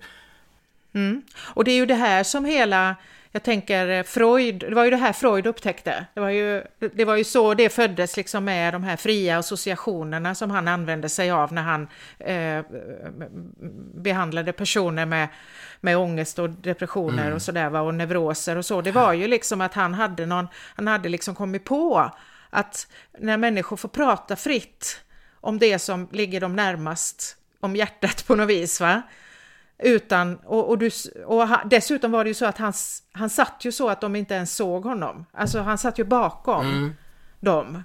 Så att okay. de fick liksom tala fritt på Aha. något vis till honom men utan att se några ansiktsuttryck eller hur saker och ting togs emot för att de inte skulle censurera sig själva. Och han upptäckte ju då att människor sa saker som de inte visste om att de skulle säga. De visste inte att de tänkte på det. Eller de, och, och det är ju jätteintressant mm, tycker jag. För, att, det för det, alla de här olika delarna liksom motsäger ju det här, de här försöken att så att säga mappa in och, mm. och liksom strukturera upp vårt sätt att mm. kommunicera med varandra. Därför att och, som någonting, ja men det är bara destruktivt. Mm. Hur, man än, hur man än vänder och vrider på det mm. liksom. Mm. Ja det är verkligen så.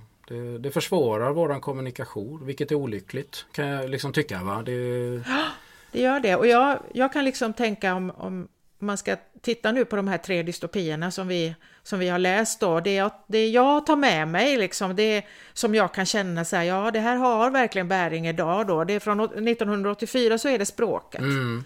Och försöken att, att liksom strypa språket och, och göra det till, någon, till någonting annat än vad det är. Alltså ett verktyg för att vi ska kunna kommunicera med varandra. Mm. Liksom. Mm. Och, och ifrån, ifrån eh, Du sköna nya värld så handlar det ju väldigt mycket om, om eh, alltså svärtan. Att ett liv kan inte vara bra om inte det finns också det svarta får finnas liksom mm. i i tillvaron. Precis. Och i, i Kallocain då så, så är det ju, och det finns ju i de två andra också då, men där är det ju det här med föräldrar, alltså familjen och föräldraskapet. Alltså den och den och relationerna och tillit. Mm, att, mm, tilliten är ju central där. Att vi, man, man, måste, det måste, man måste ha människor omkring sig som man litar på. Mm. Man kan, inte, det, man kan inte ha ett bra liv om man inte har människor som man kan lita på i, i glädje och sorg liksom. Nej, det, det, är ju ganska, alltså om man tänker så, alltså det, det ringar in ganska mycket av, av, grunden i tillvaron. Om man säger så. Alltså det gör verkligen de här tre alltså centrala temana då. Som vi säger. Att, att, liksom, att livet får, måste få innehålla smärta och svärta tillsammans med, med det ljusa. Liksom. Tilliten och kommunikationen. Alltså det här är, ja, Ja, och, och, och jag, jag har tänkt mycket nu liksom inför det här, den här, eh, när vi spelar in det här så har jag tänkt mycket liksom på att, att just nu så är det här under attack, det är min känsla. Mm, det är mm, under mm, attack, mm, språket är under attack, familjen är under attack. Eh, och, och liksom det här, alltså, ja vi, vi skräms ju upp hela tiden eh, visserligen. Men frågan är vad det är vi skräms mm. med. Är det det som verkligen är viktigt som vi tänker på eller är det pseudo skrämsel. Mm. Jag vet inte riktigt. Mm. Alltså man, jag kan inte avgöra det för jag, jag, jag kan inte riktigt, jag, jag, litar inte riktigt på, på nyhetsrapportering och så längre. Mm. liksom det, mm. jag, vet inte, det, vad, jag vet inte vad som är sant eller falskt. Men däremot så vet jag ju väldigt tydligt att det vi verkligen, det som verkligen är svärtan i tillvaron, det är vi inte så bra på att prata om. Alltså Nej. den egna Nej. döden och, mm. och, och, och, och, sorgen och det här. Det vill vi liksom inte gärna, gärna ha med att göra. Jag vet att, att vi hade, jag och en, en författarkollega till mig som heter Karin Askerin som du också känner. Mm, vi hade ju vi var inbjudna till ett bibliotek för att prata just om, om, om sorg, för mm. hon har också skrivit en bok om sorg då. Och då ehm, frågar vi bibliotekarien inför det, och jag, hur verkar intresset vara? Så här, ja, jag vet inte riktigt. Det är liksom, folk säger så här, har ni inget om matlagning i Provence? Ja, ja just det. och, så att jag menar, mm. det finns ju en, den där oviljan Absolut. liksom. Och mm. att, att man, eh, ja men kan man slippa så, så vore det väl skönt. Jo, det kan jo. väl få vara trevligt bara och sådär. Och att, man, och att samhället gärna uppfyller det med underhållning och sådär. Så men men medan vi har pratat idag så har jag kommit fram till att de där värdena är antagligen alltid under attack. Mm. Det är inte bara nu. Det tror jag inte. Utan det här är nog... Eh, för jag, jag alltså det, ja. Ja, så är det nog. Att det på något vis alltid finns krafter mm, som, mm. som vill liksom slå sönder och, och liksom minska, eller ja men, men attackera mm. tillit mellan människor och, och, mm. värme och kärlek och, mm. och, och, förståelse. Absolut. Och, och alla de där delarna liksom mm. och, och, slå, och, göra människor ensamma för att det är mycket lättare att, att uh, det är mycket lättare att ha kontroll på en befolkning som består av ensamma individer mm. än av grupper som kan hämta kraft och näring hos varandra och lita på varandra och kan hjälpas åt liksom. Um,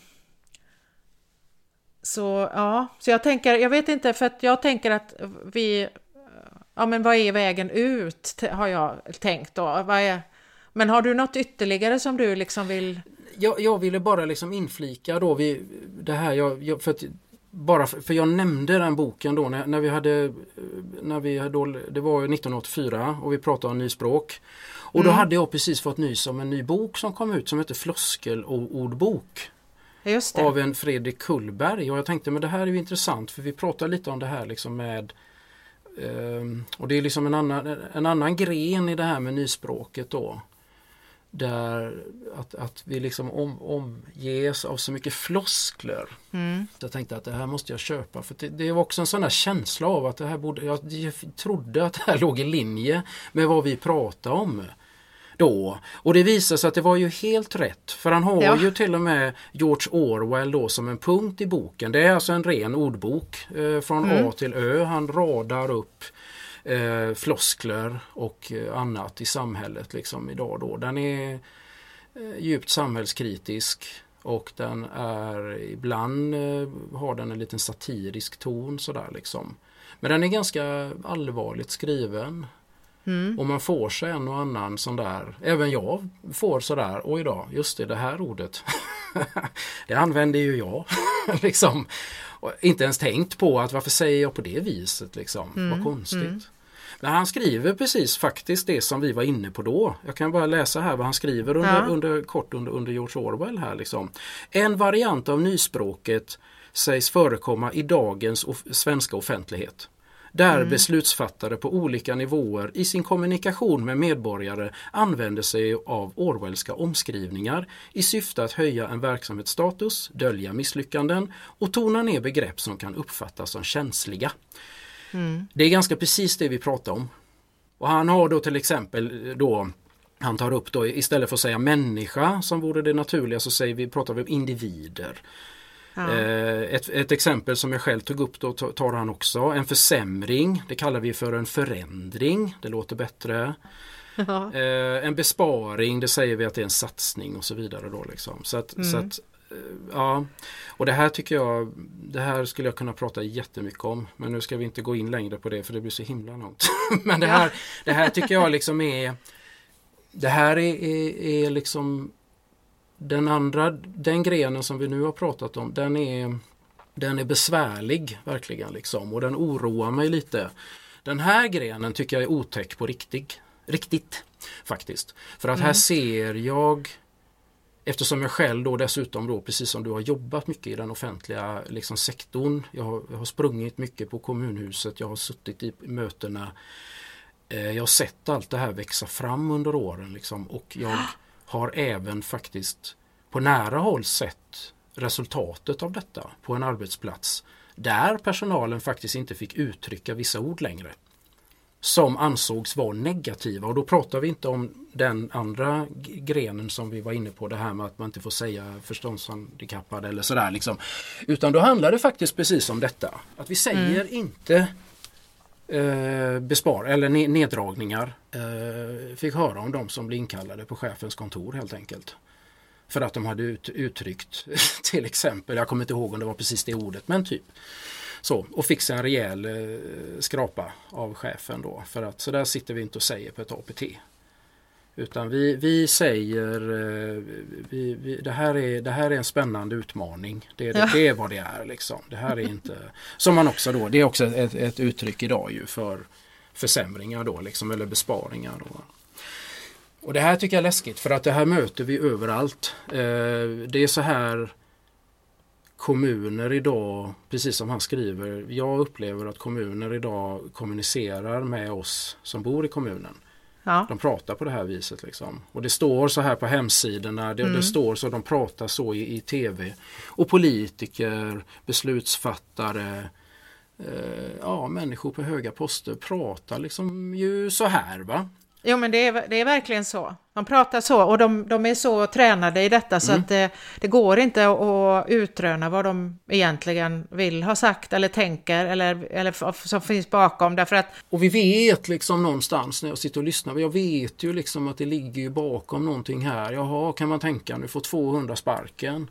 Mm. Eh, det är liksom kontentan av det personen står här glatt och berättar liksom om de här otroligt spännande utmaningarna de har framför sig.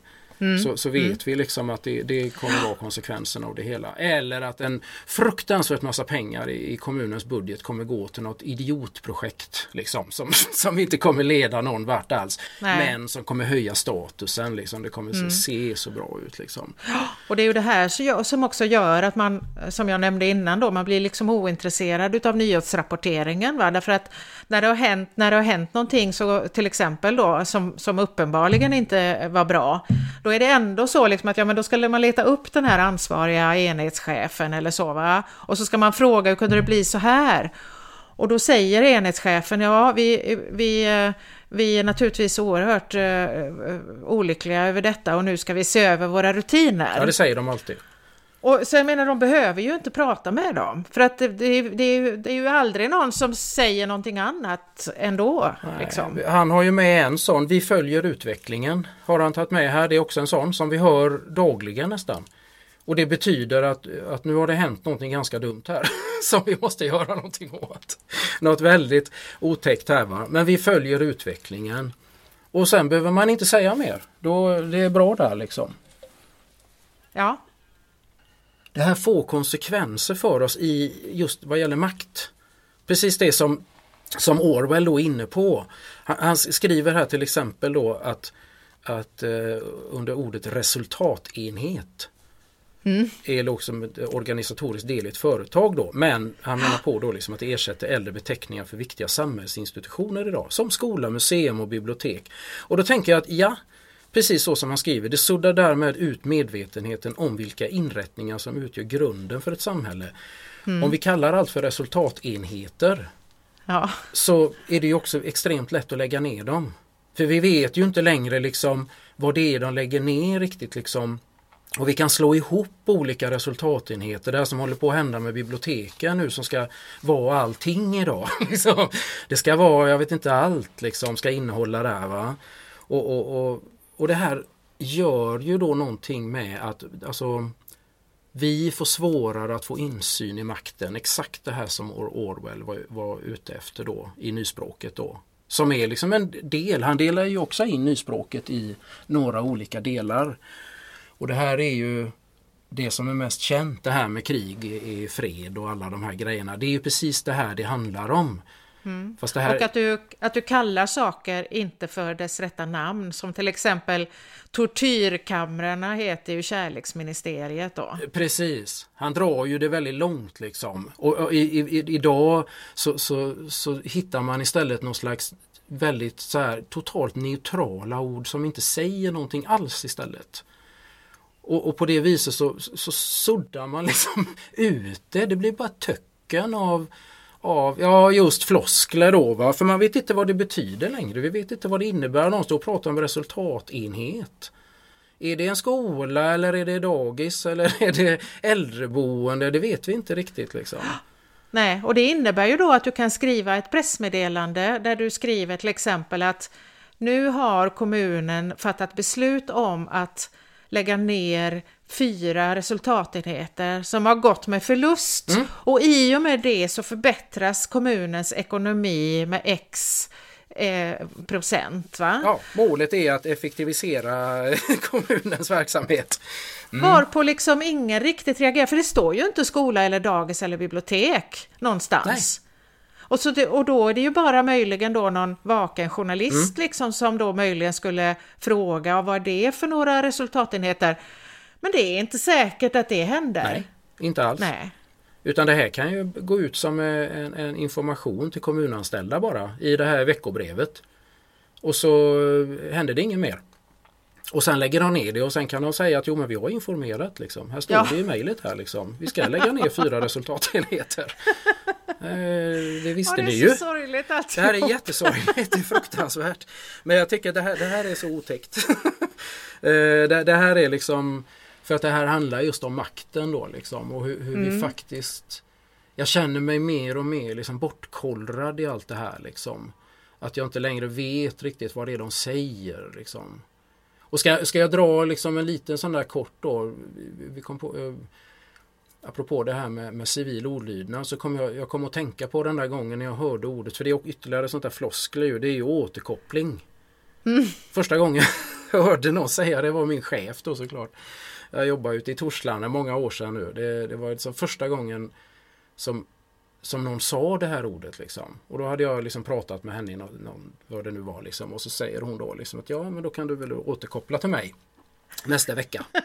och jag återkoppla, vad, vadå? Eller jag, jag, jag fattar ju vad hon menar men alltså jag, jag tyckte, alltså det, det lät ju liksom som något elektriskt liksom. Va? Det lät ja, ju som om hon liksom något så här kopplingsschema liksom återkoppla, vad, vad gör man då? Men jag fattar ju att hon menar att jag skulle svara. Och då har jag tänkt på den här kraften igen som vi pratade om. Att mm. det är mm. klart att i den stunden då liksom så, så klart att egentligen borde man ju kanske frågat henne. liksom vad menar du? Men jag gjorde ju inte det. För att, och, och det, det, har jag funderat på sen då. Varför gjorde jag inte det? Nej, för att då kommer ju allt det här. Jag vill ju inte verka dum och efter. Och liksom så här, va? Utan jag, jag vill ju verka som att jag är med också. Så jag säger ja visst det gör jag. Och sen något år senare så inser jag att jag sitter och skriver mail där ordet återkoppla ingår. Yes. Jag vet. För att då, jag, jag är plötsligt inne i det, jag använder det och då kommer vi återigen till det här med civil ordlydnad. Nej, stryk det där ordet. Liksom. Från och med nu kommer jag inte, jag ska aldrig ta det i min mun efter detta avsnitt nu då, nu var sista gången. Utan, nu, ska, nu ska jag säga, nu, nu ska jag använda svara liksom så här från och med nu. Va? Det är ett vardagligt språk men det är det här språket som, som finns i den offentliga sektorn och i, i någon slags makt Eh, av samhället då. Liksom, va?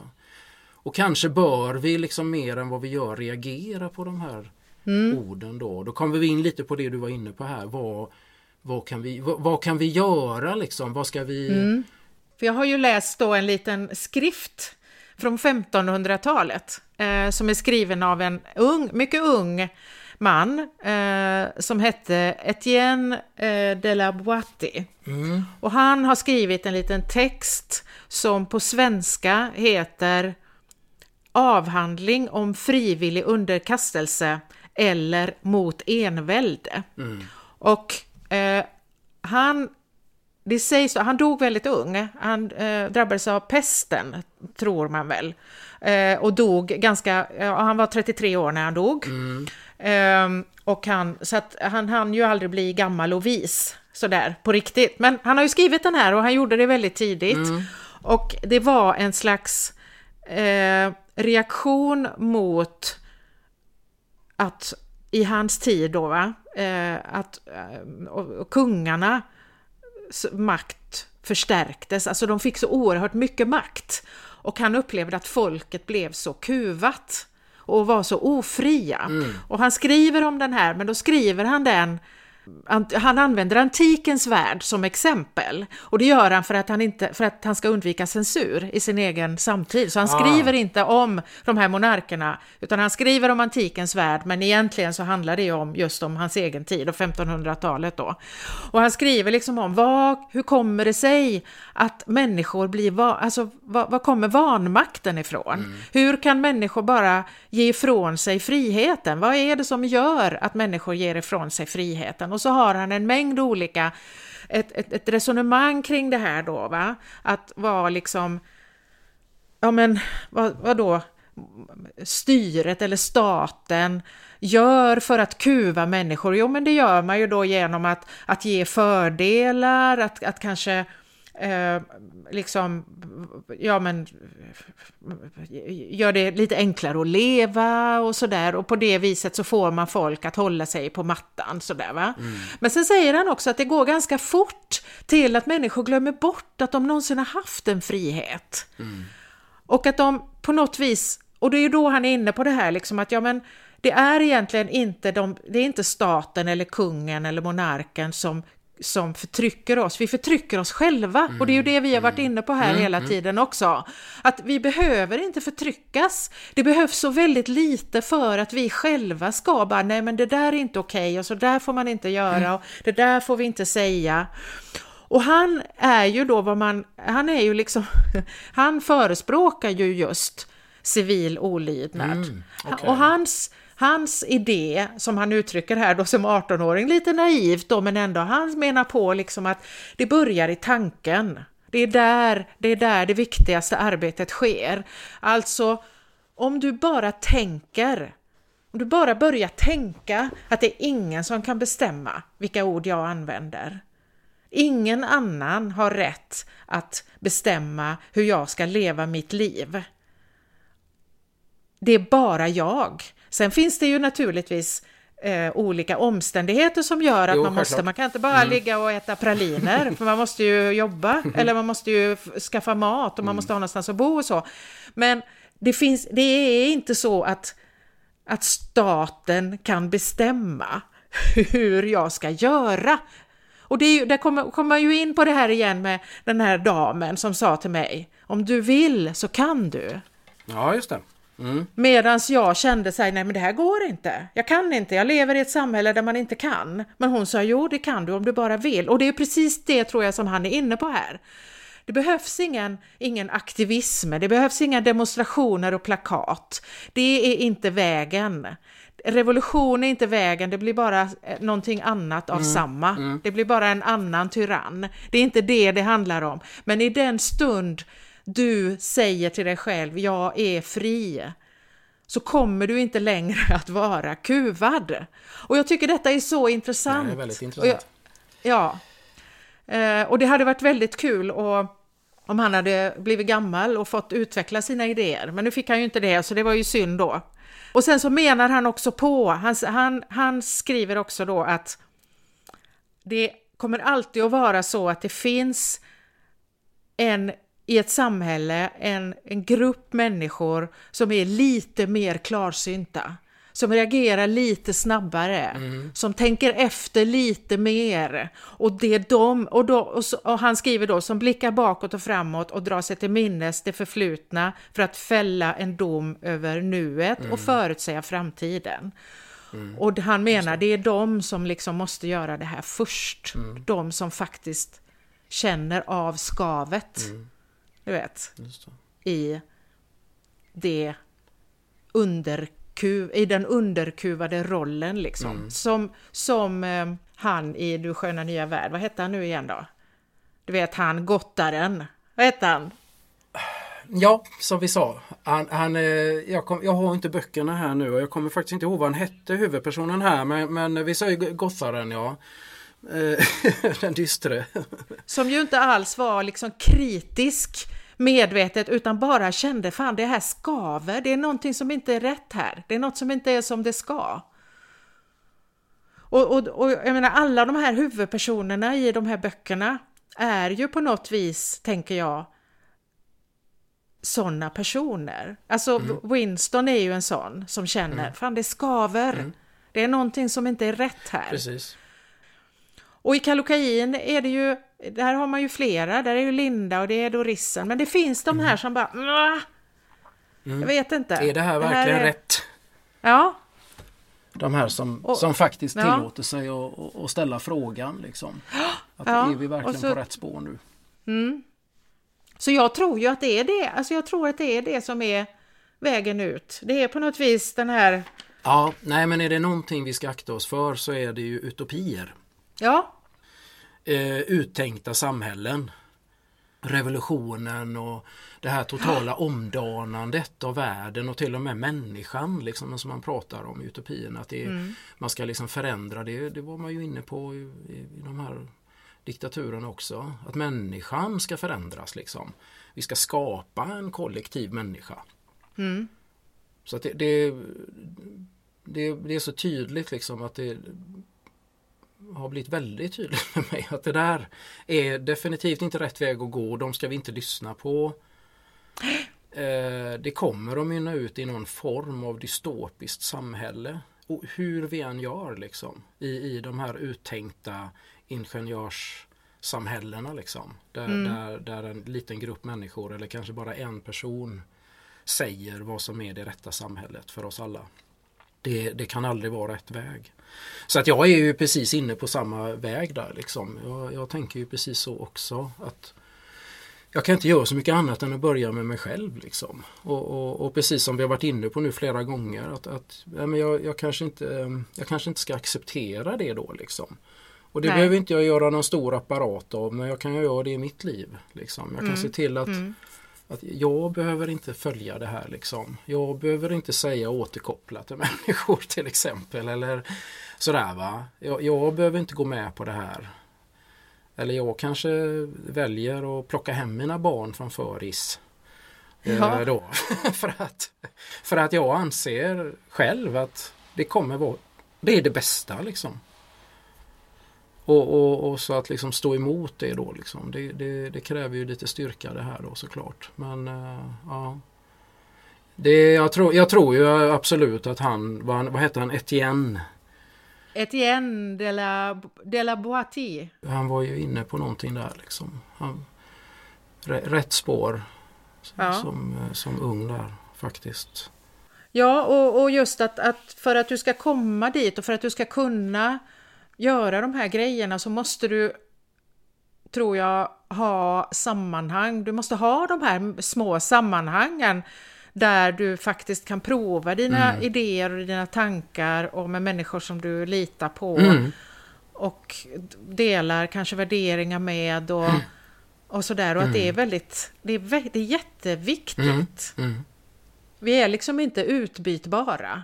Um, individer som, som, där det inte spelar, det spelar ingen roll om jag liksom umgås med den eller med den, eller kan umgås med vem som helst. Alltså det funkar inte Nej, på det sättet. Precis. Utan man måste ha de här små, alltså mindre enheterna där det finns tillit och, och kärlek också. Alltså där man verkligen bryr sig om varandra och är måna om varandra och stoppar om någon går åt fel håll mm. och du vet, ja, och, och, du vet sådär va? Ja, exakt. Och det har varit intressant det här som vi sa, jag, jag vet inte, men vi, vi, pratade om det då i, i något samtal innan det här, att, att vi båda hade den här, eh, apropå vad dystopin är, liksom, att vi båda hade någon slags syn på att nu ska vi läsa dystopier, det, det kommer vara liksom någon slags varningar för oss vad, vad eh, vilken framtid vi, vi absolut ska försöka undvika. Och så har, så, mm. för så har jag också alltid tänkt liksom, att dystopin mm. är, liksom ett, det är ett skräckexempel på på, på vart vi inte, vilken väg vi inte ska ta här. Medan vi båda var väldigt överens om att, att de här böckerna nu då, vad, vad de har gjort är ju inte alls eh, på något sätt att visa på ett framtida skräcksamhälle. Utan de har ju gjort att vi har fått syn på vår tid nu. Och eh, till och med vårt förflutna. Mm. Eh, om man tittar på folkhemmet och det liksom. Att, mm. att, mm. Så att det är som att det har liksom öppnat upp. Jag tycker det var jättebra det här. Det har öppnat upp blicken lite grann tycker jag. För att, och, mm, och att liksom tillåta sig själv att se. Jag leker liksom med tanken lite grann just nu. Liksom, att vad, vad skulle hända då liksom, om man skriver eh, liksom, nutiden utifrån den här formen? Liksom? Skulle det också bli en dystopi? Om någon läste den. Skulle man uppfatta den så då? Liksom? Ja, till vissa delar. Och, och, och likadant med folkhemmet. Om man verkligen skulle ta med alla delar där så skulle det också bli en, en dystopi utav det. Mm. Så att... Eh, Nej, så det, det är jätteintressant faktiskt. Ehm, en, en, eh, vad ska man kalla det, perspektivförskjutning, eller vad man ska säga, i, i den här läseprocessen här då. Men också det här som du säger nu då att också en, en, en liten, eh, eller inte så liten utan en ganska rejäl um, liksom, eh, jag tror den har gett mig lite styrka ja. mentalt. Jättespännande. Verkligen. Och med det lämnar vi dystopin för den här gången. Ja, det gör vi. Och nästa avsnitt kommer att handla om, har vi tänkt, filmatisering av romaner. Och det är ju för att vi hade, vi hade ju inte från början, alltså den här, när vi började prata i den här podden, när vi satte igång det här så, så var ju tanken och det är fortfarande att vi läser och pratar om böcker. Men det har ju visat sig att varenda gång så har vi ju inte kunnat låta bli att titta på filmatiseringar av böckerna som vi läser. Naturligtvis. För det är ju jättespännande att se liksom vad, vad och det har ju varit liksom av olika eh, kvalitet och sådär och olika form. Nej men det är ju väldigt intressant för att det blir ju, alltså det finns så många, det finns så många aspekter på det här med filmatiseringar därför att det kan ju vara, det kan liksom, det kan lyfta en berättelse, det kan ge ett helt annat perspektiv på en berättelse. Ja. Det kan vara en filmskapare som om, som tolkar, det är en tolkning av en, en berättelse. Och sen så finns det de som är mera trogna bok. Alltså det finns så mm. många sätt att filmatisera och jag vet ju som är en en, en läsare då verkligen, för, för, har varit det väldigt, väldigt, väldigt många år, ända sedan jag var liten och älskat verkligen böcker. Jag hade ju, jag hade ju, alltså större delen av mitt liv var jag o, helt ointresserad av filmatisering yeah, yeah. av böcker. För att jag ansåg liksom att varför då? Varför ska det vara? Det är ju helt meningslöst. Det kommer aldrig att kunna bli lika bra och definitivt inte bättre. Nej. Det var, min, det var min absoluta övertygelse och jag vet inte riktigt vad jag grundade den på om jag hade sett något specifikt men det var så här bara nej, mm. av princip tittar inte jag på. Jag läser hellre boken. Varför ska jag titta på en film? Sen kom ju Sagan om ringen-filmerna mm. i början på 2000-talet och så vändes ju det där fullständigt upp och ner och idag har jag en helt annan syn och uppfattning om eh, alltså filmatiserade romaner eh, och berättelser. Precis. Så. Och det, här, det har ju liksom blivit en, en, en del då liksom att, att, nästan i varenda avsnitt så har vi ju också kommit in på det. I, ja. i, i, den mån det, det, finns en filmatisering så har det ju liksom blivit att vi har pratat lite om den också mer eller mindre då liksom. Och, och liksom i relation till boken. Och det här är ju intressant då just som du säger för det finns ju också en gammal föreställning kring detta liksom att boken är alltid bättre. Det, mm. det är liksom någon slags sanning som vi går omkring och har. Att det, blir, det, det är så, det, boken är bäst. Eh, men vi har ju liksom i flera avsnitt kunnat konstatera att eh, det är inte sant riktigt liksom alla gånger. Va? Det kan bli absolut lika bra. Det kan kanske till och med bli bättre om det vill sig riktigt väl. Och väldigt ofta, väldigt ofta så breddar det ju verket. Ja, det är väl framförallt det vi har kommit fram till. Att, att vi, man får en, liksom ett perspektiv till, en dimension till av berättelsen. Liksom. Men mm. just också att, att, det finns så mycket liksom, åsikter om detta då. Så därför har vi pratat ett tag om detta. Att kanske skulle vi göra ett specialavsnitt där vi enbart går in på detta och pratar om detta. lite mer grotta ner oss i detta med filmatiseringar och varför man gör det och, och sådär, vad syftet är faktiskt och, och, och sådär. Och är, det, är det bättre eller sämre och sådär. Så ja, då, därför sa vi att det, det är fritt att lä läsa eh, vad man vill nu då. ja, man får läsa precis vad man vill. Det finns inga, inga direktiv från ovan. Gå till biblioteket så länge de finns mm. kvar, så länge de inte har blivit en resultatenhet som man har lagt ner. Eh, mm. En mötesplats. Yes, men du, eh, då är vi färdiga för idag. Ja.